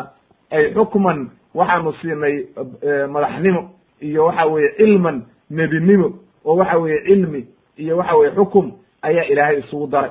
Ilaahay wuxuu ku khatimay wakadalika najzi almuxsiniin inta muxsiniinta ah sidaa nebi nebi yuusuf wanaaggaa ugu samaynay ayaan qof walba oo mu'mina oo wanaag sameeya oo ilaahay ka baqa oo ixsaan la yimaada ayuu yidhi ilaahay saasaan u abaalmarinaynaa oo wanaag ugu samaynaynaa ayuu maaragtay ku gebagabeeyey ilaahay. Sidaa daraaddeed marka ma aha nebi yuusuf keliya inuu waxa weye ixsaanka iyo wanaagga uu ku gaar yahay ee waa qof walba oo ixsaan sameeya. Waa caam wey qof walba oo mu'mina oo ixsaan sameeya ilaahay saas ugu abaalgudaya oo wanaag ugu samaynaya wey marxaladii koowaad marka qisatu yuusuf calayhi salaam halkaasay ku egta oo waa marxaladii koowaad waxaan ku soo gebagabaynaynaa marka fawaa'idda aynu ka soo saarayna marxaladdaa koowaad ayaynu waxa weye ku daraynaa oo waxa weyan ku gebagabaynaynaa awalan midda ugu horreysa waxa weeye almaylu ila axadi alabnaa'i bilxubi yuurisu alcadaawata bayna alikhuwa bayna alukhuwa waxa weeye in waaridku ay labada ilmahooda ay qaar jeclaadaan ay qaarkii kalena ayna jeclaanin oo isku si u jeclaanin waxay dhaxal siinaysaa cadaawad iyo xaasidnimo ayay keenaysaa. Marka ilmaha waa in isku si loo jeclaado oo waxa weye mid haddaad dhunkati kii kale la dhunkado oo mid wax haddii la siiyo kan kale la siiyo oo isku mid laga dhigo ayaa la rabaa. Leannahu dhibaatadaasoo dhan waxaa keentay yuusuf walaalihii waxay ka xumaadeen jacaylka uu aabiyi jecel yahay. Yuusuf annagana muxuu noo jeclaan waayey oo iyaga isaga keliya u jeclaaday ayaa dhibtaa keentay. Midda labaad xasadu xaasidnimada iyo waxa weye inuu qofku xaasid noqdo waa sababta waxay keenaysaa in waxa weye dhibaato badan ay dhacdo. Oo mashaakil ku dhaco oo waxa weye aad iyo aad mashaakil u noqdo. Leannahu xasadkii ibliis nabiyullaahi aadam wuu xaasiday. Ikhwatu yuusufna waa u jeedaa walaalkood way xaasideen oo xaasidnimay ku sameeyeen. Yahuuddu nebi maxamed waxa weeye diintiisii iyo diintii islaamka o dhan way xaasideen marka xaasidnimadu waa wax xunaa la iska ilaaliyo oo aad iyo aad khatar weeye xaasidnimada waa in la iska ilaaliyo. Midda saddexaad waxaynu ka qaadanaynaa irtikaabu akhafa dararayn qaacidatun sharciya inay qaacido sharciya tahay oo haddii laba dhibaato isku kaa qabsato tan fudud baad qaadanaysaa tan khatartaana waad ka tegeysaa leannahu ikhwatu yuusuf waxa waxay noqotay inay walaalkood dilaan iyo inay ceel ku ridaan waxay doorteen markaa inay ceelkii ku ridaan leannahu iyadaa fudud waxaanu kaloo ka qaadanaynaa dadka isku hooyada ah iyo dadka isku maaragtay kala hooyada ah inay mar walba naxariista iyo raxmaddu inay dhowdahay qofka kula hooyo ah laakiin waa bishardi waa markuu diinta ilaahay fahmo oo xaqa uu garanayo. Laakiin haddii una xaq garanaynin oo jaahil yahay oo waxa weeye wax khariban yahay oo ciyaar suuqa hadday hooyadaa dhashay iyo haddii kaleba khayr male wax khayro uu leeyahay iyo faa'iide uu leeyahay midna ma jirto. Waa inay waxa weeye uu qofku markuu xaqa fahmo wey waxaynu kaloo ka qaadanaynaa midda shanaad.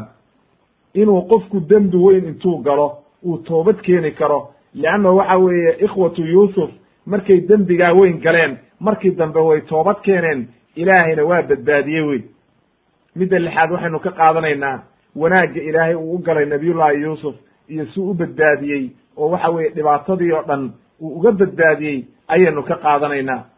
Midda toddobaad waxaynu ka qaadanaynaa sabirku wanaagga uu leeyahay leannahu nabiyullaahi yuusuf nabiyullaahi shucayb calayhi salaam waa sabray oo sabir adag buu la yimid aad iyo aad u wanaagsan. Marka wanaagga uu leeyahay baynu ka qaadanaynaa. Midda sideedaad waxaynu ka qaadanaynaa faa'idaa nabiyullaahi yuusuf calayhi salaam inuu nebi ahaa isagoo yarna ilaahay u waxyooday leannahu ilaahay baa yidhi wa awxaynaa ilayhi. Markii uu waxa weye leannahu looma shardiyo nebinimada inuu noqdo qof weyn ama xoog leh looma shardiyo weeye. Waxaynu kaloo ka qaadanaynaa inayna waxa weeye aynu ka faa'ideynaa taqriiru qaacidati laa xadara maca alqadar. Wixii ilaahay kuu qadaro inayna ku seegeynin leannahu nabiyullaahi shucayb nabiyullaahi yacquub aad buu isugu dayey inuu waxa weeye wiilkan ilaaliyo haddana waa ilaalin kari waayey gacmihiisii waa laga saaray halkaasaana laga riday marka waxa weeye wixii ilaahay qadaray cidna ma hor istaagi karto waxaynu kaloo ka qaadanaynaa sidqu lmu'min macnaha qofku inuu waxa weeye run sheego waxay ku xambaaraysaa calaa tasdiiqi man yaxlifu lahu wa yu'akidu kalaamah haddii uu qof mu'mina kuu dhaarto oo dhaar uu kuu maro inaad rumaysatid ayaa loo baahan yahay. Oo waxa weye dhaartii si aan la beenin ilaa inay wax beena ka daahir noqoto mooye. Hadday calaamado ka muuqdaan qofkan inuu been sheegayo dee lama rumaysanaya marka. Waxaynu kaloo ka qaadanaynaa in laga xumaanayo oo qofku uu ka murugoonayo hadday dhibaato ku dhacdo ama ehelkiisa ama ilmihiisa leannahu nabiyullaahi shucayb aad buu u murugooday laakiin waxa weye wuu sabray midda shan iyo tobnaad faa'idada shan iyo tobnaad waxaynu ka qaadanaynaa in lagu farxayo wixii waxa weeye wanaaga oo ilaahay ku siiyo. Inaad ku farxa ku farxi kartid. Ayaynu ka qaadanaynaa. Leanna wiilkii markii ninkii ka soo saaray ceelka wuxuu yidhi yaa bushra haada ghulaam wuu bishaaraystay. Marka haddii ilaahay wax wanaagsan ku siiyo waad ku farxi kartaa oo waa bannaan tahay laakiin kibri ay kuu geyni. Waxaynu kaloo ka faa'ideynaa inuu waraabuhu dadka cuno haddii uu jaanis ka helo. Marka hadda waad aragteen waraabuhu qofki hadduu keligii yahay iyo xoogaa waxa weeye kuma dhiirada dadka laakiin hadduu jaanis ka helo waxa weeye ma daynayo oo waa khatar weyn. Laakiin kan yeyda oo khatar tahay waa khatar laakiin dhurwaaga iyo waxa weeye ayaa maaragtay aan dadka aada ugu dhiirin faa'idada lix iyo tobnaad waxaynu ka qaadanaynaa jawaasu lixtiyaadi liamri ddiini waddunya inuu qofku mar walba dadaalo oo waxa weeye uu dadaal kasta uu samayn karo siduu naftiisa ku badbaadi lahaa ama diintiisa u badbaadsan lahaa ama waxa weeye arrintiisa inuu ku dadaalo inay bannaan tahay ayaynu ka qaadanaynaa. Waxaynu kaloo ka qaadanaynaa diimihii hore waxaa ku bannaanaa oo waktiyadii hore jiri jiray attabani waxa la yidhaahdo inuu qofku ilmo unan dhalin uu ilmo ka dhigto laakiin diinteenna islaamka waa la mamnuucay oo ma bannaana ilaahay waatuu yidhi udcuuhum liaabaa'ihim aabbayaashood ugu yeera. Oo waxa weeye idinku maydan dhaline aabbayaashood ugu yeera.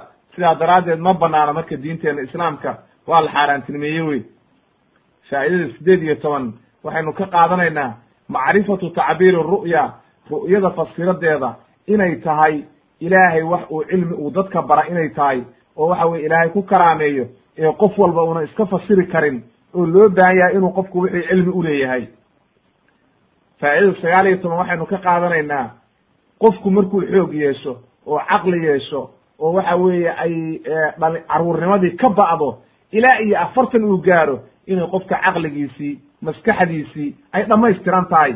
Sidaa daraaddeed marka qofku markuu da'daa gaaro wax walba waa miisaamaya waxyaalo badan buu kala garanaya waxaynu ugu dambaysiinaynaa faa'idada labaatanaad oo odhanaysa xusnu ljaza mashruudun bixusni alqasdi waalcamal in ilaahay uu wanaag kugu abaalmariyo waxay ku xiran tahay adiga inaad caqiido saxiixa iyo camal saalixa la timaadid oo waxa weye horta marka hore adigu dadaashid ayay ku xiran tahay. Haddaad marka adigii dadaashid oo camal saalixa iyo caqiido saxiixa la timaadid ilaahayna wanaag buu kugu abaalmarinayaa. Qeybtii marka ugu horreeysay oo qisatu yuusuf marxaladii koowaad halkaasay ku eg tahay iyo fawaa'ideedii oo ahayd marxalatu sikar marxaladii yaraanta iyo dhalinyaronimada iyo mashaakilkii uu soo maray. Qeybta labaadna insha allahu waynu u gudbi doonaa haddii rabiidmo halka ayaan marka ku joojinaynaa. Subxaanaka allahuma wabixamdika ashhadu an la ilaha illa anta astaqfiruka waatuubu ilayk. Walxamdu lilahi rabbi alcaalamiin